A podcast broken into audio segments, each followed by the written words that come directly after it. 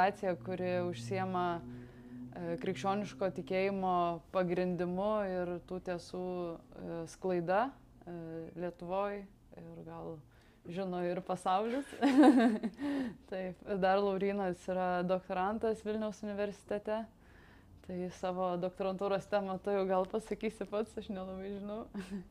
Bet e, atvyko jisai e, pas mumis e, pasidalinti temą apie Kristaus prisikelimo įrodymus ir, ir jo dieviškumą.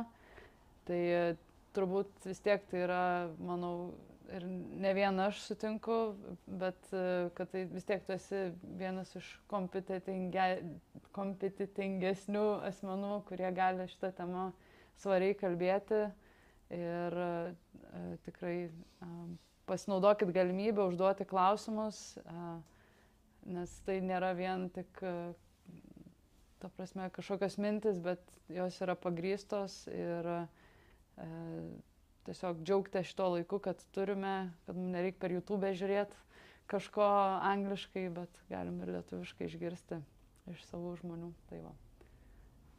Gerai pasakiau. Viskas. Gerai.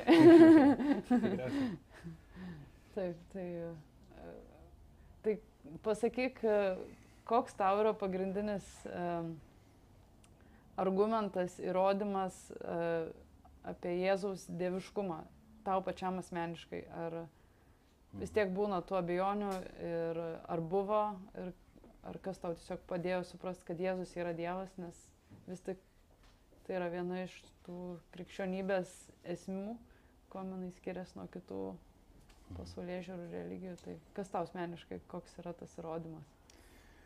Labą vakarą visų pirma, tai ačiū, kad priėmėt mane čia ant šitos nespalvotos kėdės. Bet uh, Jo, džiaugiuosi galėdamas būti kartu su jumis, nežinau, kiek jūs čia džiaugsitės, bet e, kaip jūs ir sakė, kalbame apie tos dalykus, kurie yra svarbiausi, bent jau mums, kurie save laikom krikščionimis. Nuo Jėzaus iš vis žmonės negali apskritai pavėkti, mes nuo jo metų skaičiuojam, nuo jo gimimo. Aišku, jums tikriausiai nebus taigmena, kad Jėzus negimė nulintais metais, ar net pirmais, tikėtina, ketvirtai, Kristus gimė ketvirtais, kažkur šeštais, galbūt prieš Kristų.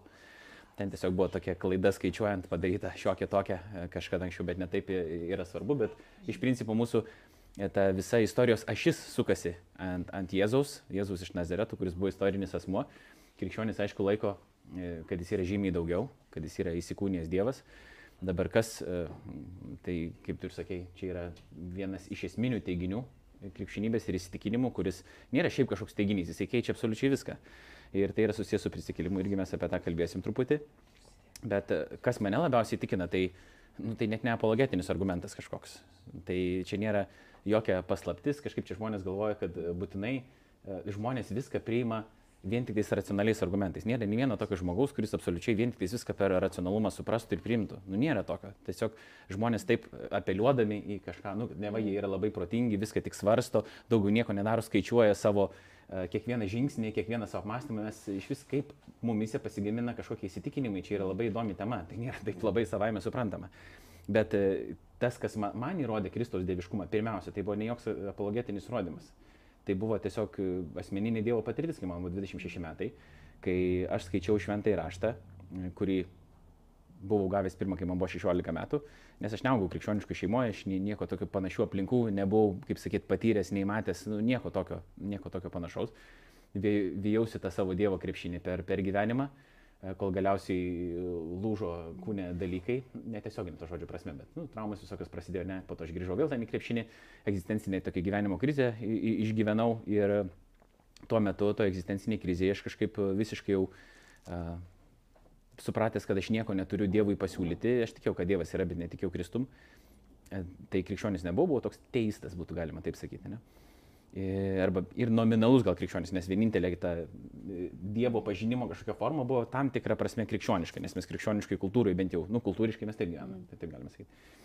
Tai ir man atsidūrus ilgą visai tą istoriją sutrumpinant, e, pabaigus mokslus, įsiskyrus su mergina, metus darbą, atsidūrus vėl krepšinio laukia, po kelių metų nežaidimo turint traumą, prienusi, čia netaip toli nuo jūsų, aš pasiemęs Bibliją, ją skaitydavau ir dar bendraudavau su žmonėm, kurie yra krikščionys per nuotolį ir, ir susitikdamas kartu. Ir atsiverčiau ne šitoj, Biblijoje galėjau pasimti ir tą dar tebe turiu šią, namie jinai yra, kurioje aš perskaičiau tos žodžius, bet atsiverčiau laišką feziečiams, nelabai susigaučiau iš tikrųjų, kaip ta Biblija, nu, pasiemi skaitai, ne, kaip jūs gal skaitot. Dėl to Ukmergės dabar rajone, kur aš gyvenu, tiksliau, pačioj Ukmergiai, bandau vesti seminarus, kaip skaityti Bibliją, nes tai nėra savami suprantama, visiems krikščionim Biblija yra autoritetas, bet ar dabar pasiimsi ir, ir susirasti kokią nors įlūtę, vad, uh, pavyzdžiui, vyrai šlovins Dievą iškėlė rankas, ne į viršų. A, vienas tik tai buvo iškėlęs, tai kos neklausot Biblijos, kas jums yra. Ne.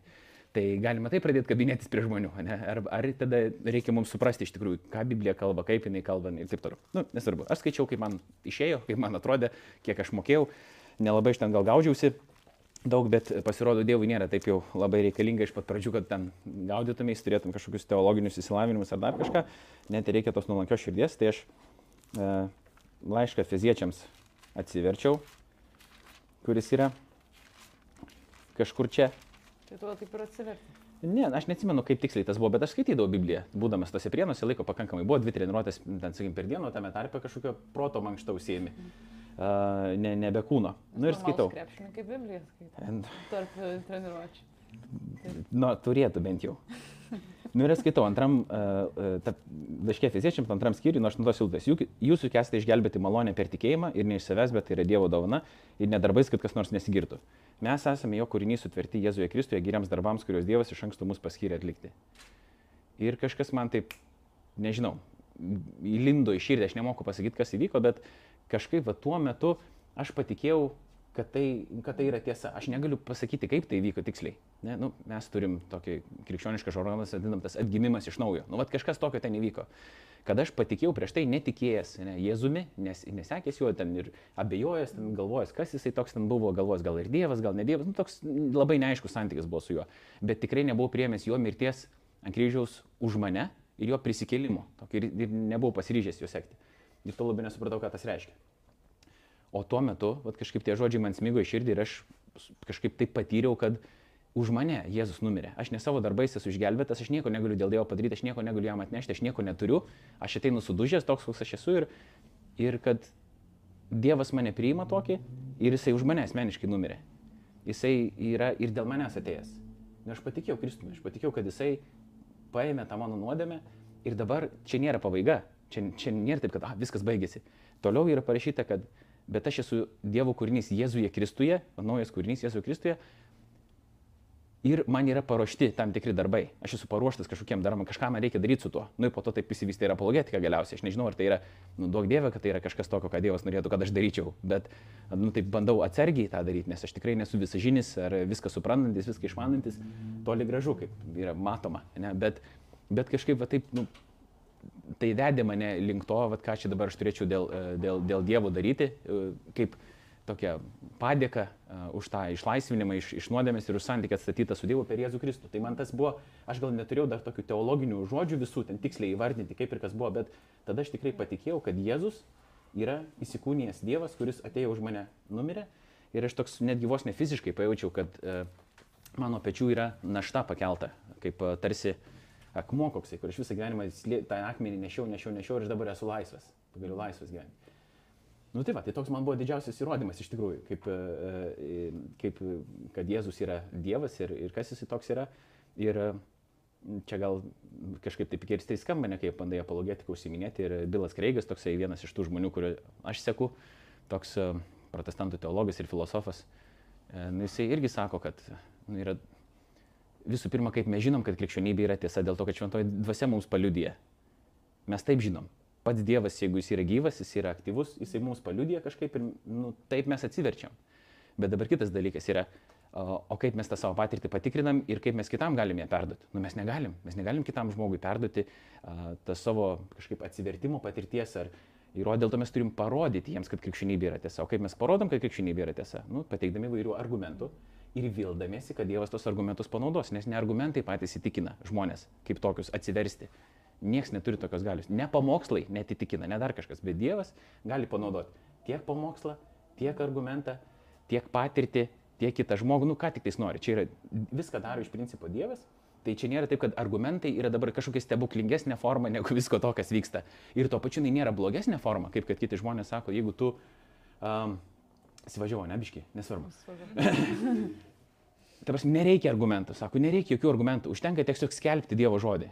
nu visų pirma, tai tu tada neklausai, kas yra parašyta Biblijoje, jeigu tavo raštas yra uh, svarbus, nes Paulius sako, tai yra Petras apaštalas sako, visada būkite pasirengę duoti atsakymam, atsakymą kiekvienam, kuris klausia apie jumise gyvenančią viltį, bet darykite, darykite tai įtikinamai irgi. Po to romiai, išlaikydami tyrą sąžinę, kad kiekvienas, kuris meižia jūsų gerą elgesį Jėzui Kristui, būtų sugėdinti. Čia yra žodis apologija, iš to ir apologetika kyla. Nu, tarsi, čia yra biblinis dalykas, turintis dar iki biblinės irgi šaknis. Tai, e, tai, tai mums yra tiesiog duotas toks mandatas. Nu, tarsi, mums yra e, įpareigojimas iš tikrųjų tą apologetiką užsiminėti, dėl to, kad žmonės priima informaciją įvairiai priima ir tiesiog skelbimą, priima ir argumentą, mes esam, nu, mandra žodis, bet integralius būtybės. Ne, mes visai tą informaciją priimam ir yra, kartais reikia tos apologetikos, kartais nereikia, bet didžiąją dalim atveju reikia. Ir reikia ne tik kitam žmogui, bet reikia ir mums patiems, nes gerai, kai man laikas tas praėjo, ne, tas tai atrodo, tas tokia emocinis gal fonas, gal nuėjo, dar kažkas, nežinau, kaip reikėtų pasakyti, ir aš pradėjau dirbti krikščioniškai organizacijai, agapiai. Tokia mano darbas buvo padėti kitiem krikščionim aukti tikėjimui jauniem, pačiam dar būnant jaunam krikščioniui universitete ir eiti į universitetą skelbti Evangeliją. Atskira istorija, kaip tai vyko, aš vos neišvažiavau į Ameriką, bet galiausiai likau Lietuvoje daryti kažkokius tokius vat, keistus darbus. Ir universitete kalbant su studentais, nu, neįmanoma be apologetikos įsiversti. Sako, nu, tai aš pasu, kalbame apie tikėjimą, nu, kiek, kiek žmonių priima, va tiesiog kalbi, va Jėzus pri, numerė, jis prisikėlė. Nu, gerai, fainai, šaunuolis. Ir ką tada sakydavai? Nu, tai po to, kai apologetika, tai turėjau daugiau ką pasakyti, bet, nu, kalbamės tada tiesiog, pirmiausia, tai tavo kalba prasideda nuo klausimų. Nu, tai, o, o ką tu galvoji apie Jėzų? O kodėl tu, tai sako, Jėzus nebuvo? Nu, iš kur tu žinai? Kodėl, kaip, kodėl tu galvoji, kad Jėzus nebuvo? Kokie šaltiniai tai kalba? E, aš pirmų tų pokalbių dabar tiksliai neatsiminsiu, bet e, daug žmonės dažniausiai turėdavo visokių pamastymų e, apie krikščionybę, visi turi ką pasakyti apie religiją, apie krikščionybę, bet reikalas yra toks, nesako, kodėl Jėzus, kodėl ne koks Buda, ten Mohamedas, dar kažkas, o gal Dievo nėra, o kodėl man Bibliją reikėtų pasitikėti. Nu ir tos klausimus aš gaudavau nuolat ir tada man irgi, nu, pačiam irgi kildavo, gerai, yra tas kažkoks tikėjimas, tai kodėl aš šituo dalyku tikiu, o ne kažkuo kitu, kas čia įvyko su manim.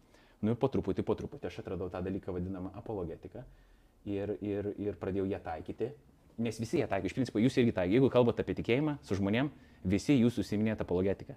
Nebent esat uh, labai nemalonų žmonės ir jums nerūpi, ką kiti klausia. Nes jeigu, uh, nu pavyzdžiui, ne, sako, reikia tikėti Jėzum, ten Jėzus už tave numirė, prisikėlė visą kitą, sako, o, o kodėl man to reikėtų tikėti, ir tu bandai atsakinėti, ką nors bandai atsakyti į tą klausimą, Nu, tai čia apologetika yra viskas. Tai geresnė ar blogesnė yra klausimas. Arba tu gali sakyti, nu, tipo, ai, nenusipurtau nuo tavęs dulkės ir, tipo, jeigu tu klausi klausimą ir aš tada eik namo, tipo, nereikia man čia nieko su tavim kalbėti, tu nepriimi, tu nepriimi Dievo, tu esi Dievo priešas, tada eik nuo manęs. Nu, aš tik jūs taip nedarote, ne? Tai, tai, tai dėl to apologetikos praktiškai yra neįmanoma išvengti, jeigu tu nori kalbėti su žmogumi. Čia vienas yra dalykas su kitu. Kitas dalykas yra, nu, jūs patiriate abejonės. Gal nesakot vyresnybei, gal nesakot vieni kitiem, visi, absoliučiai visi patiria abejonę. Tiesa čia netiesa, yra Dievas, nėra Dievas. Ar aš čia nesąmonę patikėjau? Gal mane čia tėvai privedė iki šitų dalykų, ne? Tai neapmastytas tikėjimas, o apologetika padeda tą tikėjimą mąstyti, jis yra, va, paviršutiniškas. Jis, jis nėra gilus. Ne? Taip mes išgyvenam Dievo patirtį ir pirmiausia, mūsų tikėjimas remiasi tą Dievo patirties išgyvenimą, ne? bet mes, kadangi ir protaujam, mums Dievas yra davęs intelektą, ta prasme, protą, mes irgi juo naudojamės, jūs pamokslus klausydami naudojatės būtent, nu ko, netiesiai kažkokią priimat į save be jokio filtro, jūs apmastot, kas yra sakoma. Ne? Tai, uh, tai, tai yra svarbu, niekur tu nedingsi uh, nuo, šitų, uh, nuo šitų visų dalykų, bet vėl grįžtant prie to, kad apologetika ne, ne, yra naudingas ir pagalbinis įrankis, mhm. kuris neturi įgaliojimą šventajame rašte, bet pirminis tas dalykas, kaip aš pasitikėjau Dievu ir patikėjau Kristaus dieviškumu, Tai buvo per asmeninę tokią Dievo patirtį. Mm. Bet dabar, jeigu aš bandau kitam parodyti, kad ta mano asmeninė Dievo patirtis yra pagrista, nu tai kaip aš tą galiu padaryti? Tai aš galiu sakyti, nu aš taip patyriau. O sako, aš taip nepatyriau. Arba man mormonai yra sakę, su mormonais esu daug bendravęs, ant sako jie, tipo, kad uh, Laurinai skaityk mormono knygą ir melskis, e, klausk, ar čia yra tiesa ir tau Dievas apreikš. Sakau, kaip aš žinosiu, uh, kad tai yra tiesa. Sakau, nu toksai pradės tau degti pilve, toksai yra angliškai terminas burning in the bosom. Uh, ten toksai. Tai va jie taip žino, kad yra e, mormonizmas tiesa. Sakau, man atrodo, biški prastas kriterijus. Prasme, gal gali duoti man kažkaip kitaip įvertinti tada tą mormonizmą, nesakau, jūs sakot, kad turit liūdimą ir kad jis yra tikras, nu jie yra įsitikinę. Mormonizmas yra tiesa, nes jie patyrė kažkokį tą jausmą. Aš turiu liūdimą, aš esu įsitikinęs, kad krikščionybė yra tiesa ir mormonizmas nėra krikščionybė, patikėkit manim.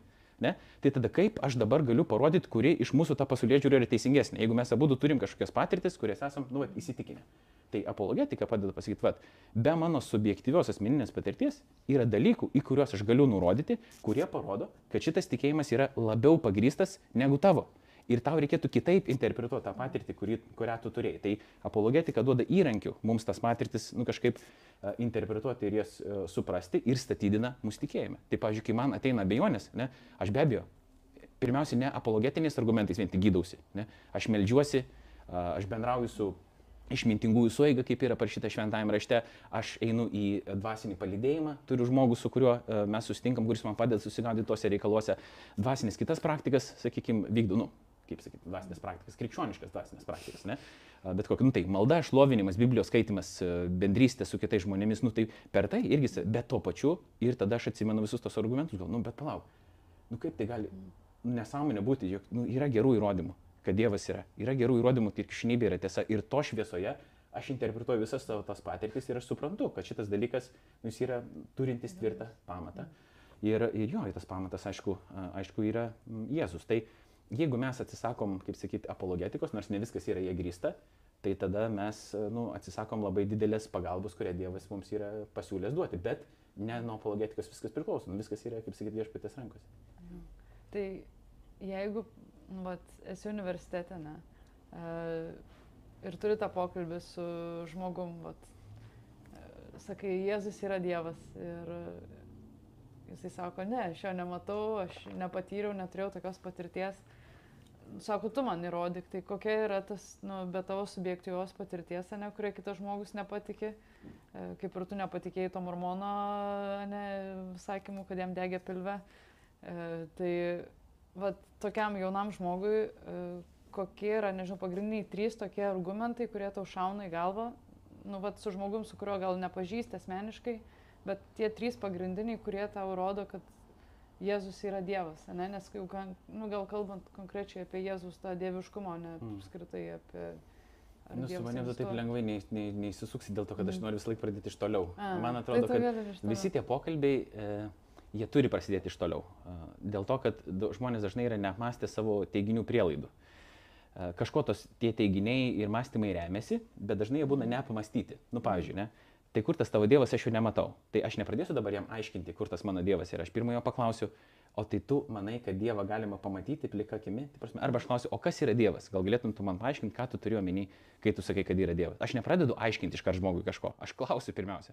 Nes aš toli gražu, mes nereiškia, kad mes, kai sakom tą patį žodį, mes turime omeny lygiai tą patį dalyką. Mhm. Tai aš klausiu tada, nu, tai kas yra Dievas? Nu, tai jis man pradeda pasakoti, kas yra Dievas. Jeigu mes, pažiūrėjau, prieinam prie to, kad Dievas yra ten, nu, visą uh, sukūręs E, kuriejas, ne, kuris yra ten už laiko, už erdvės, visa kita, nu, kas yra iš principo toks filosofinis Dievo apibrėžimas. Tai yra tai, už ką nieko daugiau negali būti sugalvota. Nu, jis netelpa kažkur, tu jo plika akim nepamatysi. Tai sakau, tai kaip tau aš parodysiu Dievą, jeigu jis plika akim yra nematomas? Kokiu, tai reiškia, reikia kitų būdų prie jo prieiti. Ar tada klausia, ar sutinki, kad kitų būdų? Jeigu kitų būdų reikia prie to klausimo prieiti, tai kokiu būdu? Nu ir tada sakom, gerai, tada yra filosofija, teologija, kurie padeda tie dalykai. Filosofija, nebijokit šito žodžio, kad yra parašyta šventajame rašte, nepasiduokit žmonių filosofijai, tai žmonių filosofijai nepasiduokit. Filosofija, iš principų graikiški, du žodžiai, sudurtinis žodis, išminties meilė. Ne? Galiausiai, jeigu mes mylim išminti, mes atrandam ją asmenyje Jėzuje Kristuje. Ne? Tai Paulius pats yra laikomas filosofu, apaštalas Paulius, e, daug krikščionių buvo filosofų ir, ir nu, tapsim, yra gera ir bloga filosofija, sakykime taip. Ne? Nėra taip, kad visa filosofija yra bloga, nes kiekvienas žmogus, kuris kažką masto apie pasaulį, turi kažkokią daugmaž tokią sistemą, jis užsima filosofiją irgi. Tiesiog tas, tas žodis kažkaip pradeda gazdinti žmonės ir tik dėl to, kad taip yra, nu, sakykime, parašyta. Tai filosofija, išminties meilė, jinai remiasi kuo? Jinai remiasi krikščionis sakytų, Dievo apreiškimu per kūrinyje. Mes turim protus, mes žiūrime tai, kas yra aplinkui, e, mes stebim žmonės, stebim visatą, stebim dalykus ir mes padarom kažkokias išvadas iš to. Ir tos išvados gali būti klaidingos, jos gali būti teisingos, bet tai yra vis tiek remiantis Dievo prieškimu, ką jis yra mums davęs, tai yra gamtos knyga. Dabar ko skiriasi teologija nuo šito dalyko? Irgi kitas, vad baisų žodis, sako, man nereikia teologijos. Ir visi vis tiek krikščionys teologija vadovaujasi, tik tai sako, nu, aš nenoriu šito žodžio girdėti. Nu, gerai, nenori kitą žodį susirasti tada. Tai yra tiesiog mandri žodžiai pavadinti dalykams, kuriuos mes visi darom vienokiu ir kitokiu būdu. Tai teologija remiasi Dievo apreiškimu, kuris jau yra tiesiogiškesnis. Tai reiškia šventuoju raštu pirmiausia. Šventojo raštu ir Jėzumi Kristumi kaip asmeniu, kuriame mes randam Dievo apreiškimo pilnatvę. Tai čia yra teologija. Mes jau ne tik tais protų galvojam apie tai, kas yra aplinkui, bet mes tą patį protą pasitaldami žiūrim į tai, kaip Dievas nusprendė mums save preikšti. Jis nusprendė mums ne tik per kūrinį save preikšti, per, sakykime, savo tos nu, rezultatus, ne, nes mes paties Dievo pačiupinėti negalim. Čia irgi nėra va, Dievas šituose puslapiuose. Ne. Tai, yra tam, tai yra Dievo žodis, ne, kuris veda į galutinį Dievo žodį, Jėzų Kristų ir mes jį sustinkam šventajame rašte. Ir tai yra gyvas Dievo žodis, ne, bet jis nėra magija. Čia nėra magiški puslapiai, čia nėra burtų knyga Biblija. Čia yra naratyvas didžiaja dalim. Poezijos yra daug, yra naratyvas, dar kažkas, bet jinai yra Dievo kalba mums. Iš tikrųjų, jinai yra Dievo įkvėpta, jinai nėra paprastas raštas. Bet nu, Dievas kažkaip va, taip įdomiai pasirinko tokį dalyką, ne, pasirinkti mums save preikšti ir per užrašytą formą. Ir mes laikom ją autoritetu. Ne, nu tai va, tokie pokalbiai pradeda, aš niekada nepuolu taip greitai atsakinėti, žinai. Nes tada jeigu tu žmogui atsakai greitai... Labai greitai. 1, 2, 3. Ne, jeigu uh, aš galiu kartais, aš po taip ilgą papasakoju, tada sakau, va, ir 1, 2, 3. Taip, nu, ką, ir dažniausiai tas žmonės sako, kad ir tada jie prikimba prie to, kas jiems nepatinka, arba kažkas, ir tada padeda man kokį nors angliškai vadinasi red herring, raudona silkė, tokia numeta į šoną, dabar va tą vykis, dabar man tą paaiškink. Tada tą pradeda aiškinti, tada kitą numeta, dabar tą va vykis ir man aiškink. Tai dėl to aš niekada nepuolu atsakinėti labai taip greitai į kiekvieną tą klausimą, nes, nu, nu kas tada aš atsakysiu, žinai, tada prikips prie to, kas nepatinka, tai dėl to aiškinamės, o ką tu mastai, kodėl tau taip atrodo ir taip toliau. Ne?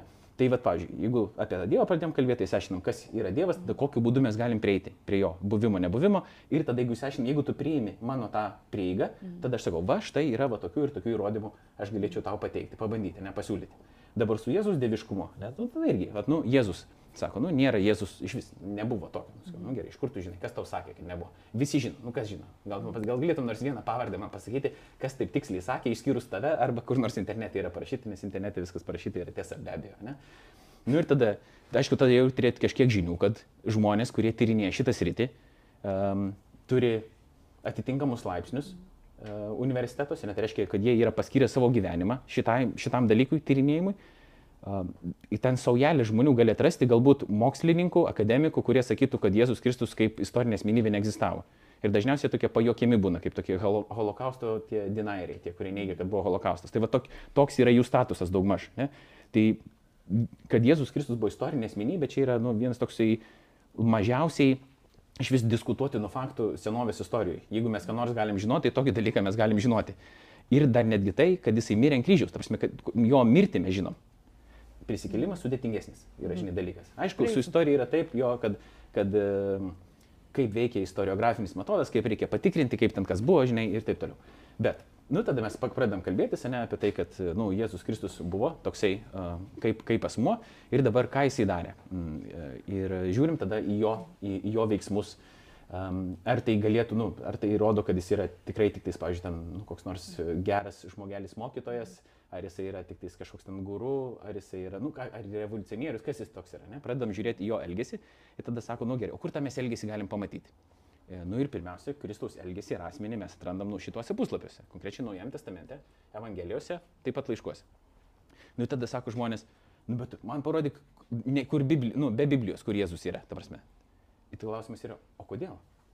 Ta prasme, Naujasis testamentas yra geriausias istorinių dokumentų rinkinys apie Jėzus gyvenimą. Kodėl? Dėl to, kad jis yra ankstyviausias, dėl to, kad jų yra skirtingų, mes galim jį atkurti su labai dideliu patikimumu. Ir tai, kad tai yra mūsų krikščioniškos tradicijos dalis, automatiškai nereiškia, kad jis kažkodėl dabar yra klaidingas. Nu, čia yra nesąmonė. Taip žmonės galvoja, kad tipo, kažkodėl teisingi yra tik tie, kurie yra nekrikščioniški šaltiniai. Bet ir nekrikščionis mokslininkai, biblistai, jie tyrinėja Bibliją, jie nelaiko jos Dievo žodžiu, bet jie laiko tai kaip jie laiko tai klystančiais, mes kitaip, ne krikščionys mes laikom, kad tai yra neklystantis Dievo žodis dėl savo teologinių įsitikinimų tam tikrų.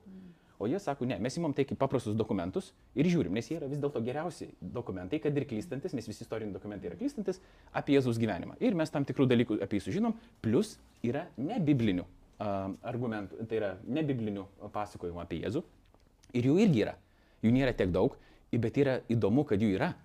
Ir jie, ta prasme, turint omeny, kaip vyko užrašymas senovės, e, nu, senovės vidurinių rytų dabar, dabartinių, sakykime, taip, kraštuose, ne, tai nėra taip, tai nėra savaime suprantama, kad apie kažkokį žmogelį, kuris ten turėjo savo e, grupelę sėkėjų, ar ne, kažkas iš vis būtų rašę jeigu tai nebūtų padarę didelį įtaką. Ta prasme, tai yra įspūdinga, iš viską tai yra aprašyta. Buvo labai brangu aprašyti, buvo labai sudėtinga. O mes turim dar ir papildomų daug, dabar mes turime labai daug apie Jėzų iš tikrųjų, turint omeny senos istoriją. ta Prasme, Ne vien iš Biblijos. Istorinių. Taip. Jo. Bet matai, ką aš noriu parodyti, kad tas nereikia prisileisti prie to momento, kad, e, bet ne, ne vien iš Biblijos mes turime, ai, tipo, ten tie yra geresni. Ne, ne, parodė, ši, čia yra geriau. Taip yra ir kitų, bet čia yra geriau. Ir tada, jeigu tu žmogaus sakai, kad ne, man parodyk be Biblijos, tai klausimas yra, kodėl? Kuo tau tiksliai yra Naujasis testamentas blogai, dėl to, kad istorikai jį priima kaip patikimiausius šaltinius apie Jėzų. Ne? Tai kodėl tau jis yra blogai? Kodėl tu nori visą laiką kažkokių kitokių, jų kitokių yra, bet nereikia į tos pastus pakliūti, nes žmonės iš karto taip kažkodėl, nu, Biblija reiškia nesąmonė, čia krikščionių parašyta, na, dažniausiai neturi žalio supratimo, kaip ten tas procesas vyko, ne, bet kažkokiais gandais pasiremiant dėl to, davai, mes šito nesivadovaujam, vadovaujamės kažkuo kitu, o geriausia, kokio nors 21 amžiaus blogerio internete idėjom, ne, nu, net, ne taip dalykai vyksta. Tai tam aišku kažkiek reikia žinių, kad tu galėtum naviguoti ne tos pokalbius, bet jų mažiau reikia, kai daug klausimų klausinėjai, nes žmonės labai mėgsta teikti dalykus, jie mėgsta labai sakyti viską. Ne? Man palatė dabar čia ligonį gulint, vienas uh, palačiokas sako, taigi krikščionys sako, kad gyvūnai neturi sielos. Sakau, kas tau sakė? Nu taip, žinau, nu, krikščionybė moko, tarsi krikščionybė taip moko. Sakau, nemoko. Nu, tarsi yra taip bažnyčių, galbūt ir atskirų žmonių, kad mokytų, kad, kad, kad, kad neturi gyvūnai sielos ir taip toliau. Bet tas tradicinis krikščioniškas požiūris, ne, aš nežinau, kiek pas jūsų ratose tai yra diskutuojama, mūsų nu, nėra daug, ne? Iš principo, nu, kas yra e, siela? Siela yra tam tikrą prasme gyvybinė jėga. Ne? Ir e, teologai, krikščionių, e, seniau sakydavo, taip, ypatingai viduramžiais, kad e, siela, nu, siela yra tai, kas animuoja arba įgyvybina kūną. Reiškia, ir augalai turi sielą, ir gyvūnai turi sielą, ir žmonės turi sielą. Bet ta žmogaus siela, jinai yra kokybiškai kitokia. Jinai yra nemirtinga, jinai, ta prasme, turi galimybę turėti santykių su Dievu. Ne? Gyvūno siela yra visiškai kitokia. Kitu atveju būtų toks nu, mechanizmas, kaip robotas. Ne? Tai tam, nu, siela yra tiesiog ta pati definicija, ne kaip mes esame prieėmę, kas yra siela, tai nebūtinai jinai nu, tokia pati buvo istorijoje visą laiką, kaip mes įsivaizduojame. Mes, kai sakom siela, mes įsivaizduojam kažką, nu, dvasia, kažkoks ten sklandantis dalykas, vienintelis, kur, nu, žmonės turi ir galbūt, jeigu taip supranti, tai tada jo tokios sielos gyvūnai neturi. Bet jeigu pradedi aiškintis apie, nu, o ką tas žodis reiškia ir kaip jis reiškia, kokios buvo teologinės nuomonės, tai, nu, tai įvairių tų nuomonių buvo. Nes buvo kitų tokių nuomonių, kad, pavyzdžiui, kitų rasių žmonės neturi sielų. Buvo ir tokia pozicija, nesutiktume, mes sakytum negerai, ne? Bet irgi dėl kažkas buvo taip sugalvojęs. Ir tada, kai tu sakai, va, tai reiškia, iš yra kažkoks ne visai tikras žmogus, tada galima su juo elgtis mm, tam tikrų būdų atitinkamu. Ne? Bet ką aš norėjau pailustruoti. Kad tas palačiokas, ne, jisai, va, kažkokį tokį turi. Šauna savo, va, krikščionybė moko, kad uh, gyvūnai neturi sielų. Nu, gerai, nu kur? Kas moko tiksliai? Gal tikrai yra žmonių, kurie taip moko, mes galim turėti teologinę ten diskusiją, dėl to čia mano tikslas nėra pasakyti, turi gyvūnai sielos ar neturi. Ta prasme, Aš neturiu kažkokios tokios konkrečios nu, vat, pozicijos išreikštos, tai nėra mano labai didelis apmąstymo objektas, e, tai nėra problema. Sakykim, jeigu gyvūnai turi nu, ta, kažką, kas, aišku, kad kažkas juos animuoja, ne, kad kažkas juos įgyvybina, bet jie yra kokybiškai kitokie. Mes esame sukurti pagal Dievo atvaizdą, gyvūnai nėra sukurti pagal Dievo atvaizdą. Mes esame pašaukti bendradarbiauti su Dievu, gyvūnai nėra pašaukti tokiu būdu. Tai mes esame, nu, sakykim, kokybiškai skirtingos uh, būtybės. Ne? Tai, bet gandas kažkoks va toks, ne? Nu, atlieka. Arba ten, kad, nu, krikščionys, žinot, ko buvo pirmais amžiais kaltinami? Trim dalykais labai įdomiais. Gal esat girdėję? Toks Atenagoras Atenietis, vienas ankstyvųjų krikščionių, rašė tokia kaip ir apologija ir jisai bandė parodyti, kad krikščionys nu, neteisingai yra kaltinami. Taip apologetika nu, taip vystėsi pirmaisiais amžiais, kai Romos imperijoje krikščionys buvo persekiojami ir tada imperatoriams būdavo rašomi laiškai a, tokie, kreipdamas juos, nedarykit jūs taip, ta prasme, mes nedarom tų dalykų, kuriuos jūs sakot, mes netikim tuo, ko jūs sakot, kad mes tikim, čia yra gandai ir mūsų tikėjimas, jie tas sakydavo, dar yra geresnis negu jūsų. Ir gyvenimas yra geresnis negu jūsų. Nu, tai bandydavo mandagiai, bet tokiam, nu, tam tikrom priemonėm prieiti. Tai krikščionys buvo kaltinami kanibalizmu, tai reiškia, kad jie valgo žmogų, valgo žmonės mirusius. Gal žinot kodėl? Aha. Taip, nes jie susirenka ir valgo kažkokio žmogaus kūną ir geria kažkokio žmogaus kraują. Ir tai da daro kur dažniausiai? Katakombose, kurios yra kapinės. Dėl to, kad jie, nu, tamsi, atvirai negalėdavo savo religinių ritualų atlikti. Viešpatės vakarienės toks, nu, neturėjo vat, penktam aukšte ten Kaune, ne, su puikiu vaizdu, galimybės prie lempučių šitą dalyką padaryti. Nu, tai rinkdavosi ir švesdavo viešpatės vakarienę, kaip ir yra įsakyta. Kristus sako, čia yra mano kūnas, čia yra mano kraujas ir darykite tai mano atminimui. Nu, Jie tą daro, sklinda gandas, kad susirenka kažkokia keista grupelė žmonių, žydų kažkokia sekta, kuri daro tokius keistus dalykus. Tarsi valgo, valgo kūną kažkieno ir geria kraują kažkieno. Nu, okay. Tada ten Agoras aiškina, ne, ne taip jūs suprantate, tarsi čia visai ne, ne tam yra esmė, ne toks dalykas. Kitas kaltinimas yra, kad jie užsima incestų, kraujomaišą. Kodėl?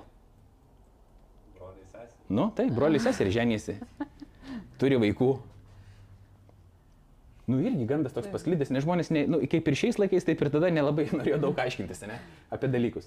Ir ką dar vienas įdomus toks variantas. Krikščionys buvo kaltinami ateizmu. Krikščionys buvo laikomi ateistais Romos imperijai. Kodėl? Tik vieną dievą tikėjau. Taip, nes negarbino visų Romos dievų ir nelaikė Cezario dievų, sako, yra vienintelis viešpats Jėzus Kristus. Mūsų tas, nu, karalius arba, nu, Cezaris, sakykim, taip viešpats. Ne, viešpats nėra, Cezaris nėra viešpats, vienintelis Kristus yra viešpats.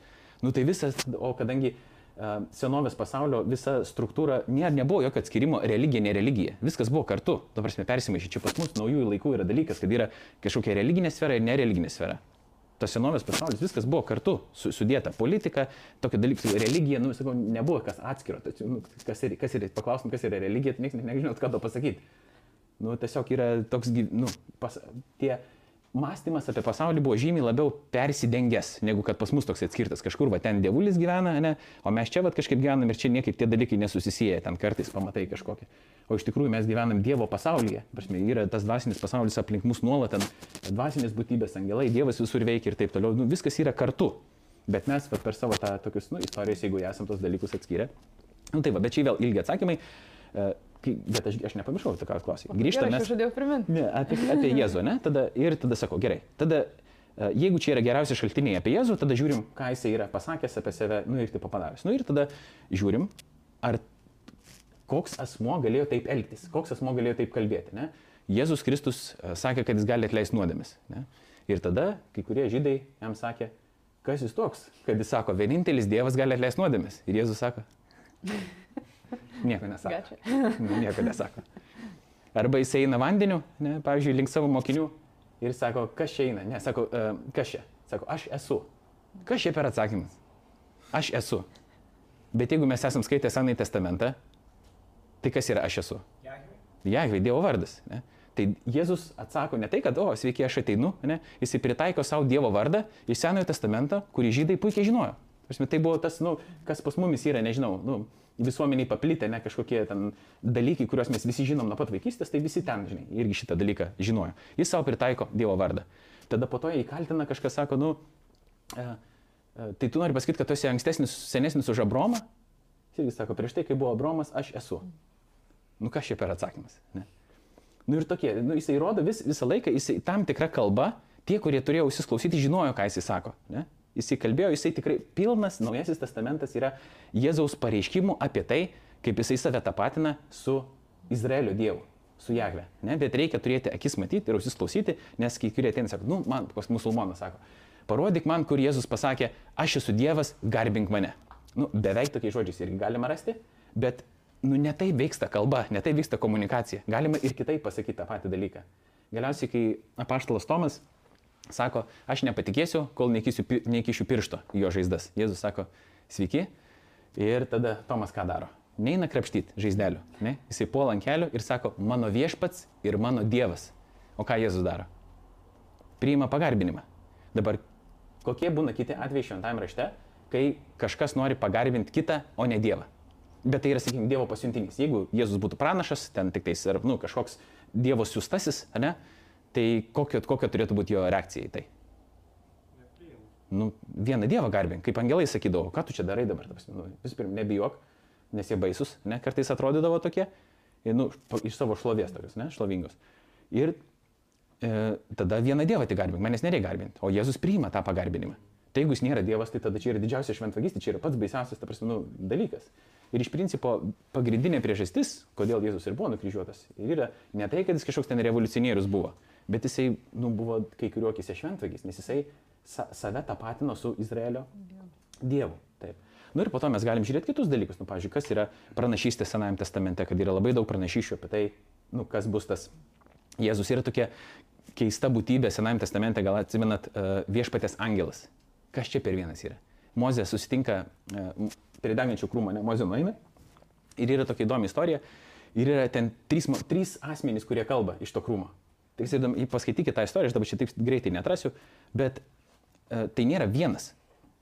Yra pasakyti, kad viešpats, viešpatės angelas ir Dievas pasakė. Ir tas pats. Kalba tas pats, bet tai yra kažkokia, nu, ne tas pats žodis yra jam taikomas. Aš tikrai neatsimenu, buvo Dievas ir tikrai viešpatės angelas ir trečias neatsimenu, man atrodo, gali būti viešpats, bet bijau susimaišyti dabar, ne? Tai Senajame testamente dažnai, kai pasirodo tas viešpatės angelas, tai jisai yra tuo pačiu, atrodo, kaip ir Jahve kartais, bet tuo pačiu kaip ir ne visai Jahve. Nu, tokia labai įdomi, įdomi būtybė.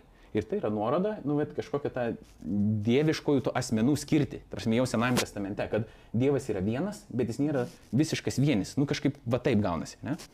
Tai viešpatės angelas tokia įdomi, įdomi yra a, būtybė. Nu ir galiausiai, a, net tada mes prieinam prie Jėzus galutinio, to tokio dieviškumo, sakykime, įrodymo, tai yra jo prisikėlimas. Kad ir tas prisikėlimas nėra kažkoks toks, nu, atpurtimas tenais kaip reanimacijai, tu gal žinai, tipo, tas žmonės, žinai, nu, truputį buvo pusiau, pusiau numiręs, bet dabar jau truputį gyvas, ne? Tai tas prisikėlimas visai kitoks. Jisai toks, nu, šlovingas prisikėlimas, sakykime. Bet čia reikia turėti omeny tą momentą, kad e, žydai senovės, kurie laukia mirusių prisikėlimo, e, jie nelaukia vieno žmogaus kažkokio vidury istorijos kažkada va taip pupt ir prisikelsis iš numirusių, tame šlovingiame mirusių prisikėlime. Dėl to jie ir netikėjo iš pradžių, nes tai buvo labai netikėtas dalykas. Nes čia mes, tipo, žiūrėdami iš 21 amžiaus dabar žmonės, čia sako, a, jie patikėjo dėl to, kad jie taip, tipo, galvoja, jie norėjo taip patikėti. Ne, čia buvo visiškai prieš įsitikinimus žydiškus. To, su, nu, sakykim, to meto. Jėzus sako, nu, jūs jums reikėjo šiek tiek kitaip interpretuoti. Tipo, jis yra pirmamasis to prisikėlimo ir gal, galiausiai laukia tas mirusių prisikėlimo šlovingas. Bet kad Jėzus yra tas, kuris prisikelia šlovingai ir dėl to žmonės biš pasimeta, kas čia dabar vyksta. Tipo jo kape nėra, jis pasirodo kažkaip, e, ten mok, su mokiniais eina e, tame Jamausa, ne tame kelyje, po to jiems aiškina e, šventųjų raštų prasme, tada jiems atsiveria akis belaužant duoną, nu, va tokie, tokie visokie, žinai, dalykai vyksta ir po to susiveda, nu, galai iš tikrųjų, kad Jėzus ne šiaip buvo pranašas, kunigas ir karalius, nes jisai turi tą trijų dalių ofisą. Jis yra ir tikrasis pranašas, jis yra ir tikrasis karalius, ir jis yra tikrasis kunigas. Jis atlieka visas tas tris funkcijas. Bet jisai tai atlieka nu, Dievo asmenyje, Dievo ir žmogaus, sakykime. Taip, nes jis yra Dievo žmogis. Jis yra priemęs pilnai žmogišką prigimtį, bet išlaikė savo dievišką prigimtį. Čia yra didysis krikščionybės ir džiaugsmas, ir paradoksas, ir kai kuriems suklupimo akmuo, o mums tai yra, kaip sakyti, šlovės viltis e, Jėzuje. Ne? Kad tai taip yra, kad jis mūsų nepaliko, bet prisėmė mūsų prigimtį ir atėjo šitą pasaulį. Nu ir tada galim kalbėti, nu, vat, e, o kas, kas gali prisikelti, ne? kas turi jėgą mirčiai, kas, turi, kas yra tas, kuris iš tikrųjų gali pergalėti mirtį, net tą dalyką, kuris daugam iš mūsų yra e, baugus, net tas mūsų baigtinis gyvenimas, kas iš vis turi galimybę kurti, kas turi galimybę duoti gyvybę. Nu ir tada mes prieinam prie to, kad nu, tai yra dieviška jėga, tai yra dieviška prerogatyva ir kad Kristus ją turi.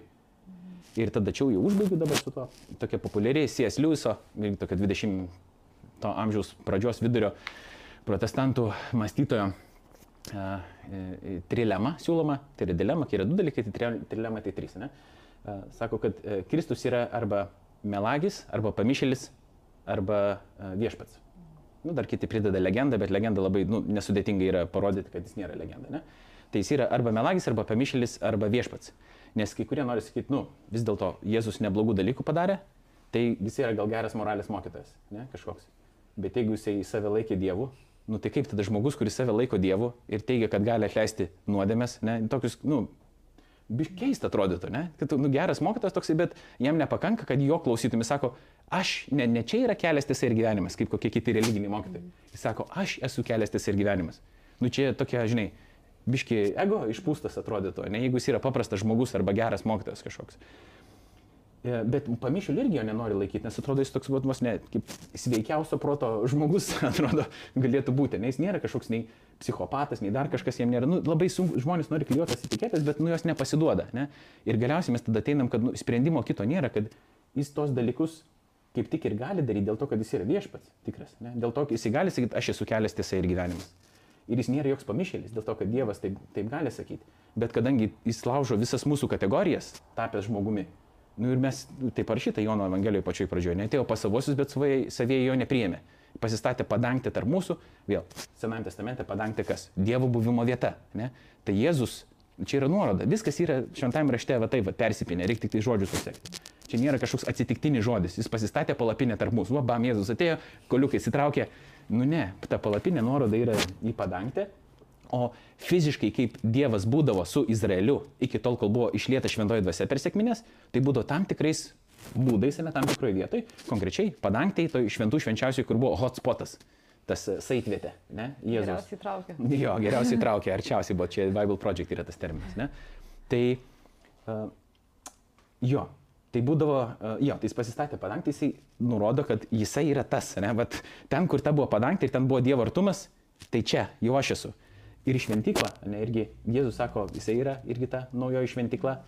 Ir po to mes esame vadinami mm, šventosios dvasios šventyklomis. Kodėl? Dėl to, kad Dievas mumis apsigyvena. Nu, čia nėra atsitiktiniai, sakykime, tie dalykai. Tai galiausiai mes prieinam jo prie to, kad e, tai, ką sakė ir ką darė Jėzus, geriausiai ir paaiškina tai, kad jis yra, e, kad jis yra e, Dievas, nes kitų, kitų atveju mes nelabai turim ką su juo daryti.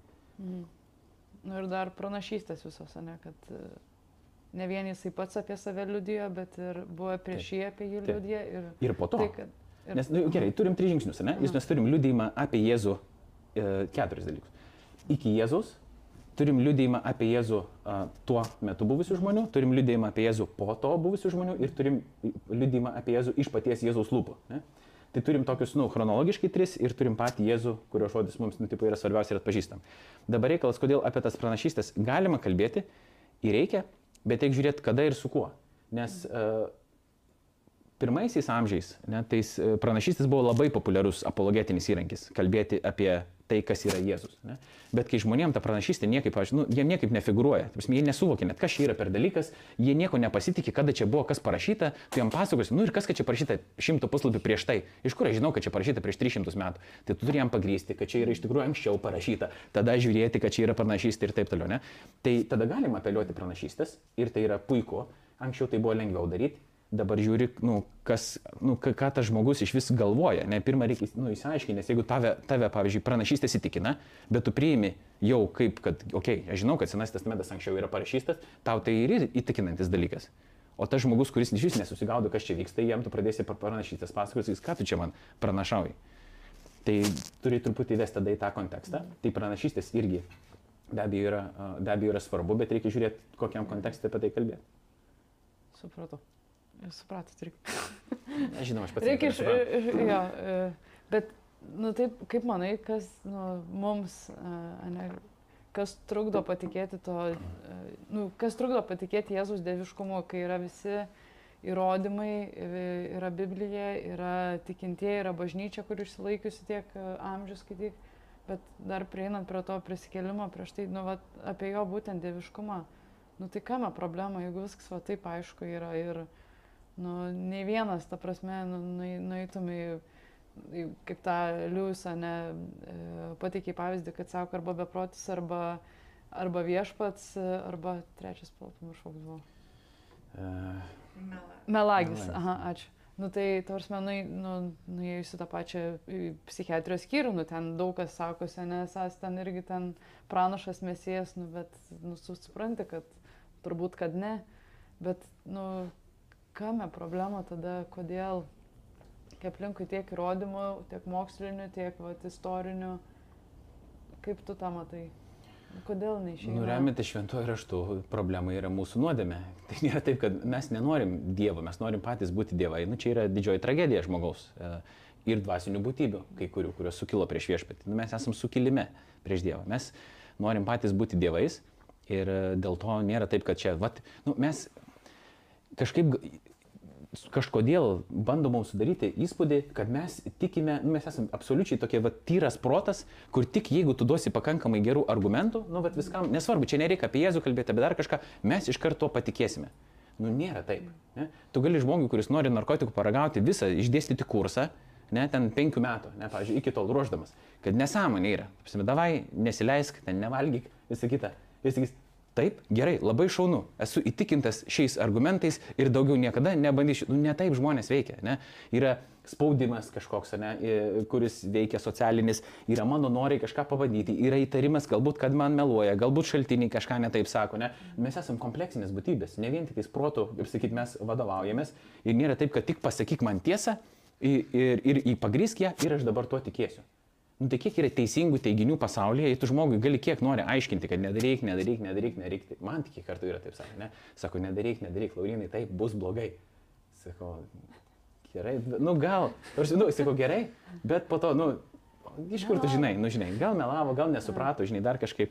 Tai, nu, tai nėra taip, kad visi čia jau tik tais pasakysi tiesą, argumentų paduosi ir kiekvienu mes teiginiu čia puikiai, nu, žinai, patikėsim. Sakot, kaip pasigamina mumis įsitikinimai Tai yra labai komplikuotas, sudėtingas dalykas. Ir čia, žinai, tiesiog, nu, tie uh, modeliai, kurie yra paremti vien tik tais edukacija, edukacija yra labai gerai.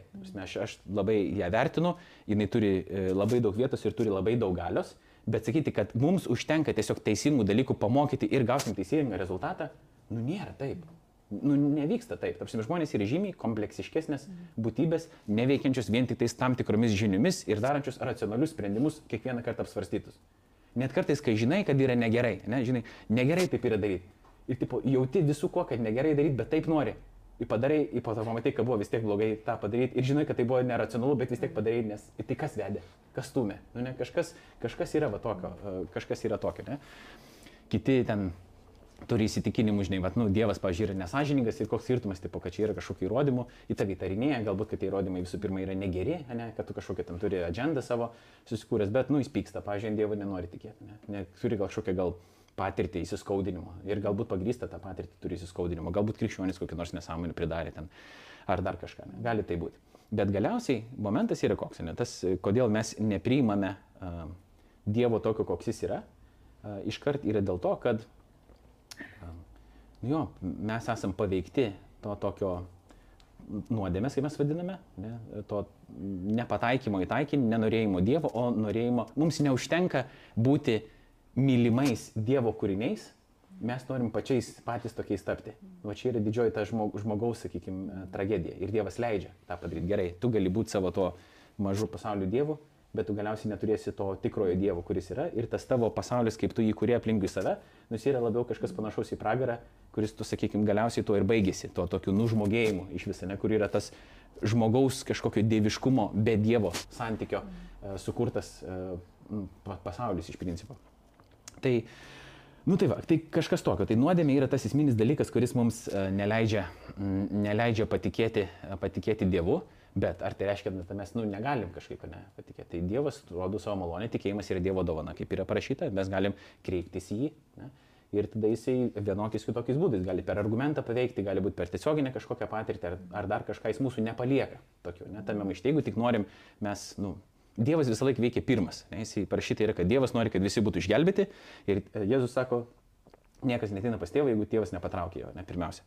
Nu, tai Dievas reiškia visus mumis traukia, nes jis mumis visus myli. Klausimas yra dabar, ar mes atsiduodam į tą traukimą. Nėra taip, kad mes pirmi Dievo ieškom, Dievas pirmas mūsų ieško, traukia ne, ir tada, bet leidžia mums nu, kažkokiu būdu neteiti pas jį. Ne? Ir, nes kitu atveju tas santykis būtų netikras, būtų toks automatonų robotukų, ta prasme gyvenimas, ne, kažkoks ir tiek.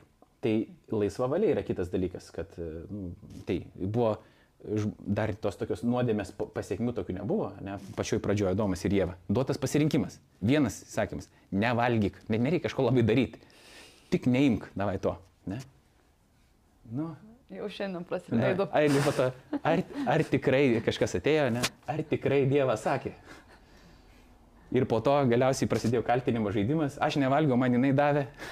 nu ir nu, tokie, nu, fintai, ne kažkokie, ne? Kad, kad uh, jeigu yra galimybė pasirinkti, visą laiką yra galimybė, kad bus pasirinkama neteisingai ir čia yra, sakau, ta tokia kaip ir didžioji žmogaus tragedija, bet to pačiu čia ir yra geroji naujiena, kad Dievas nepalieka mūsų tame ir jis ateina, nu, jis padaro absoliučiai viską, dar daugiau negu mes galėtum sugalvoti, tam, kad mumis išgelbėtų iš tos tokios, iš tos tokios būklės. Tai jo, o ten po to, žinai, galima nagrinėti visokius ten sociologinius, psichologinius, dar kokius nori aspektus, kodėl tiksliai žmonės, vat, nu, nepatikė vienais ir kitais dalykais, ir čia net ne vien apie krikščionybę reikia kalbėti, apie, apie daug ką, nes jeigu taip būtų, kad tiesiog reikia gerų argumentų, nu tai ką, tada vis, nu, kiek didžioji populiacija, kuri turi prieigą prie teisingų šaltinių, tada turėtų tiesiog, nu, perskaityti teisingą dalyką, jo, taip, nedarysiu, arba jo, taip, darysiu.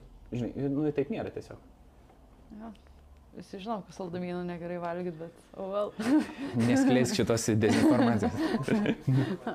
su žmo- žmonėmis, kurie jūs pasitiktų, pavyzdžiui, jie evangelizuojat ir jums sako, aš gerais darbais pateksiu į, dangų ir man nereikia Dievo, toks argumentas.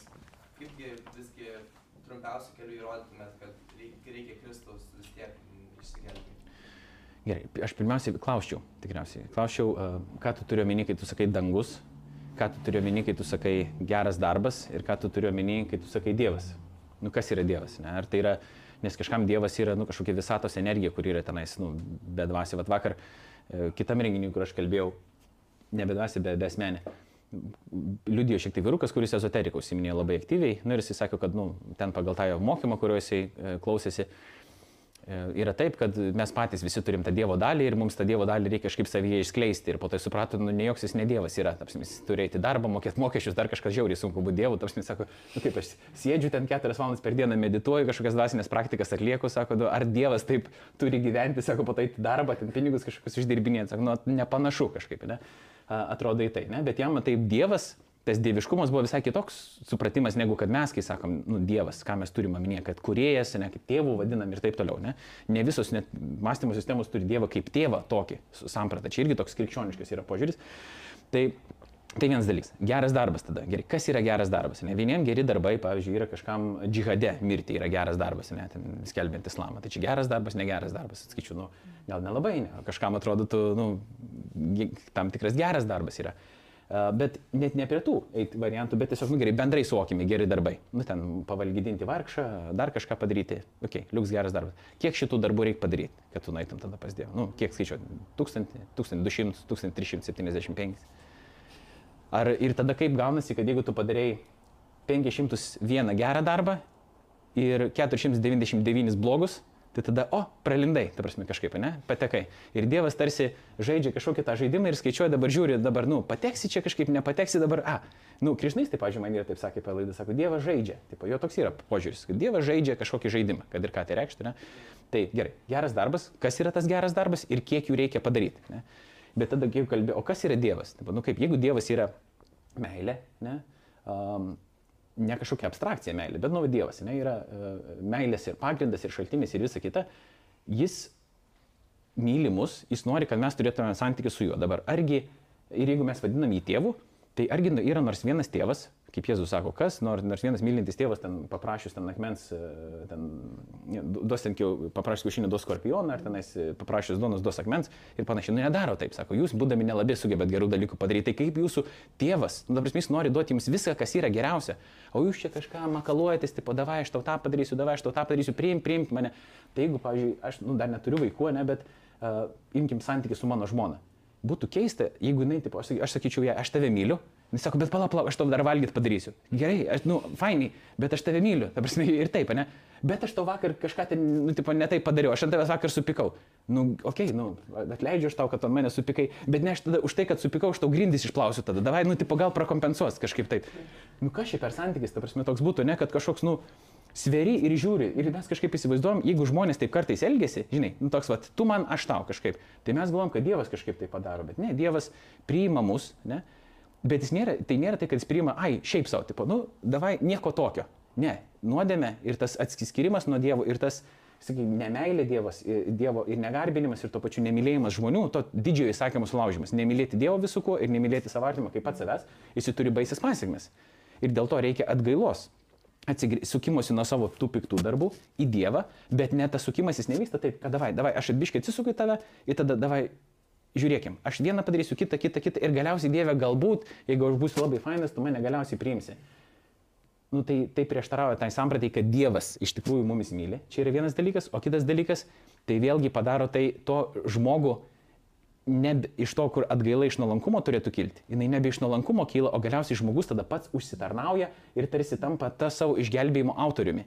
O iš tikrųjų tai yra priešingai, Dievas yra to išgelbėjimo autorius ir jis viską jau, sakykime, duoda tam minė žmogui. Tai vat, čia vienas dalykas. Ir kitas dalykas, paskutinis, vat, kaip įrodė, nu, jeigu aš pasitikiu Kristumi um, ir pasi, pas, pasitikiu to, kas yra šventajame rašte parašyta, arba net nieko pasitikiu, bet galiu klausti, o kaip tau tai skamba? Ir tada žiūri laišką Efeziečiams antras skyrių, parašyta yra, esate išgelbėti malonę per tikėjimą, o ne darbais, bet esate išgelbėti darbams Jėzuje Kristuje. Jau Kristus sako ant kryžiaus atlikta yra ir galite, tap, galite, turite tapti mano mokiniais, kas pažinsite nu, tiesą, na, taps laisvais, tapsite mano mokiniais, pažinsite tiesą ir, ir, ir, ir taip toliau. Tai argi tai nėra geresnė naujiena, kad tave, jau dabar tave Dievas myli, ne, be tavo jokių darbų Bet tai nereiškia, kad tų darbų nėra, ko daryti. Nes yra baisus dalykas tas krikščionis, kuris galvoja, kad nu, viskas jau dabar turiu santykį su Dievu ir viskas yra įspręsta ir dabar galiu gyventi kaip noriu. Ne? Tai jeigu aš ateinu į santykį su savo žmona, pavyzdžiui, nu, paprasčiausiai galbūt per pavyzdžius yra kalbėti, ne? kadangi santykis su Dievu, mes tokią analogiją vedam kaip nu, santykis, ne, irgi kažkoks šeimiškas santykis. Jeigu aš kažkaip taip, nu, gerai, e, buvo kažkokių problemų, mums ten draugaujant su su mergina, ten dar kažkas, ne, mes tos dalykus kažkaip įsisprendėm, galiausiai nusprendėm sumainyti žiedus ir apsiženyti. Ir tada tik uždedam žiedus, sakau, aha, viskas, tu mano, dabar nieko nebedarysiu, išsiskirti nebegalim. Tai čia nesąmonė, kas čia per meilė tokia yra, ta prasme, nu, mūsų, ta, tas mūsų santykis nesilaiko, ant to būtų blogai, jeigu laikytus vien tik tai, kad, nu, tu man, aš tau, tu man, aš tau, bet tuo pačiu, jeigu mes mylim vienas kitą, nu, tai neišvengiamai mes norim kažką daryti dėl vienas kito. Ir jeigu nenorėtum, tai čia būtų kažkokia tragedija, čia kas čia per santykis, kažkokia nesąmonė. Arba jeigu norėtum vien tik tai skaudinti, ne? tai tada, kai mes susižėduojam su Dievu, tai mes be abejo tada, kad turim troškimą daryti tos dalykus, kurie jam patinka. E, ir tie dalykai, kurie jam patinka, jie yra kas yra įdomiausia. Jie yra geri mums, nes Dievui nieko nereikia. Tie, visas Dievo įsakymas, jis todėl ir yra geras, ne tai, kad jisai mumis kažkaip suvaržo ten ar laužo ar dar kažką daro, taip kartais atrodo, ne? tai būna, nes mes esame samanaudiški bet jisai yra mūsų pačių geroviai. Jis yra kad, nu, tam, kad mes auktumėm ir kad aplink mus skleistųsi ta Dievo karalystė, kurią jis yra pašaukęs, nu, irgi nešti čia į šitą, šitą pasaulį šventosios dvasios jėga. Nu tai va, tai tie darbai turi savo vietą, bet ne jų pagrindu tu esi išgelbėtas, bet tie darbai nėra, nu, jie nėra niekaip su užtarnavimu susiję, tiesiog yra atsakas į Dievo meilę išlietą tau ir paliudijimas tos meilės, nes jeigu tu pas tavai nes, joks vaisius nesireiškia, ne, parašyta šventame rašte, pažinsite juos iš vaisių.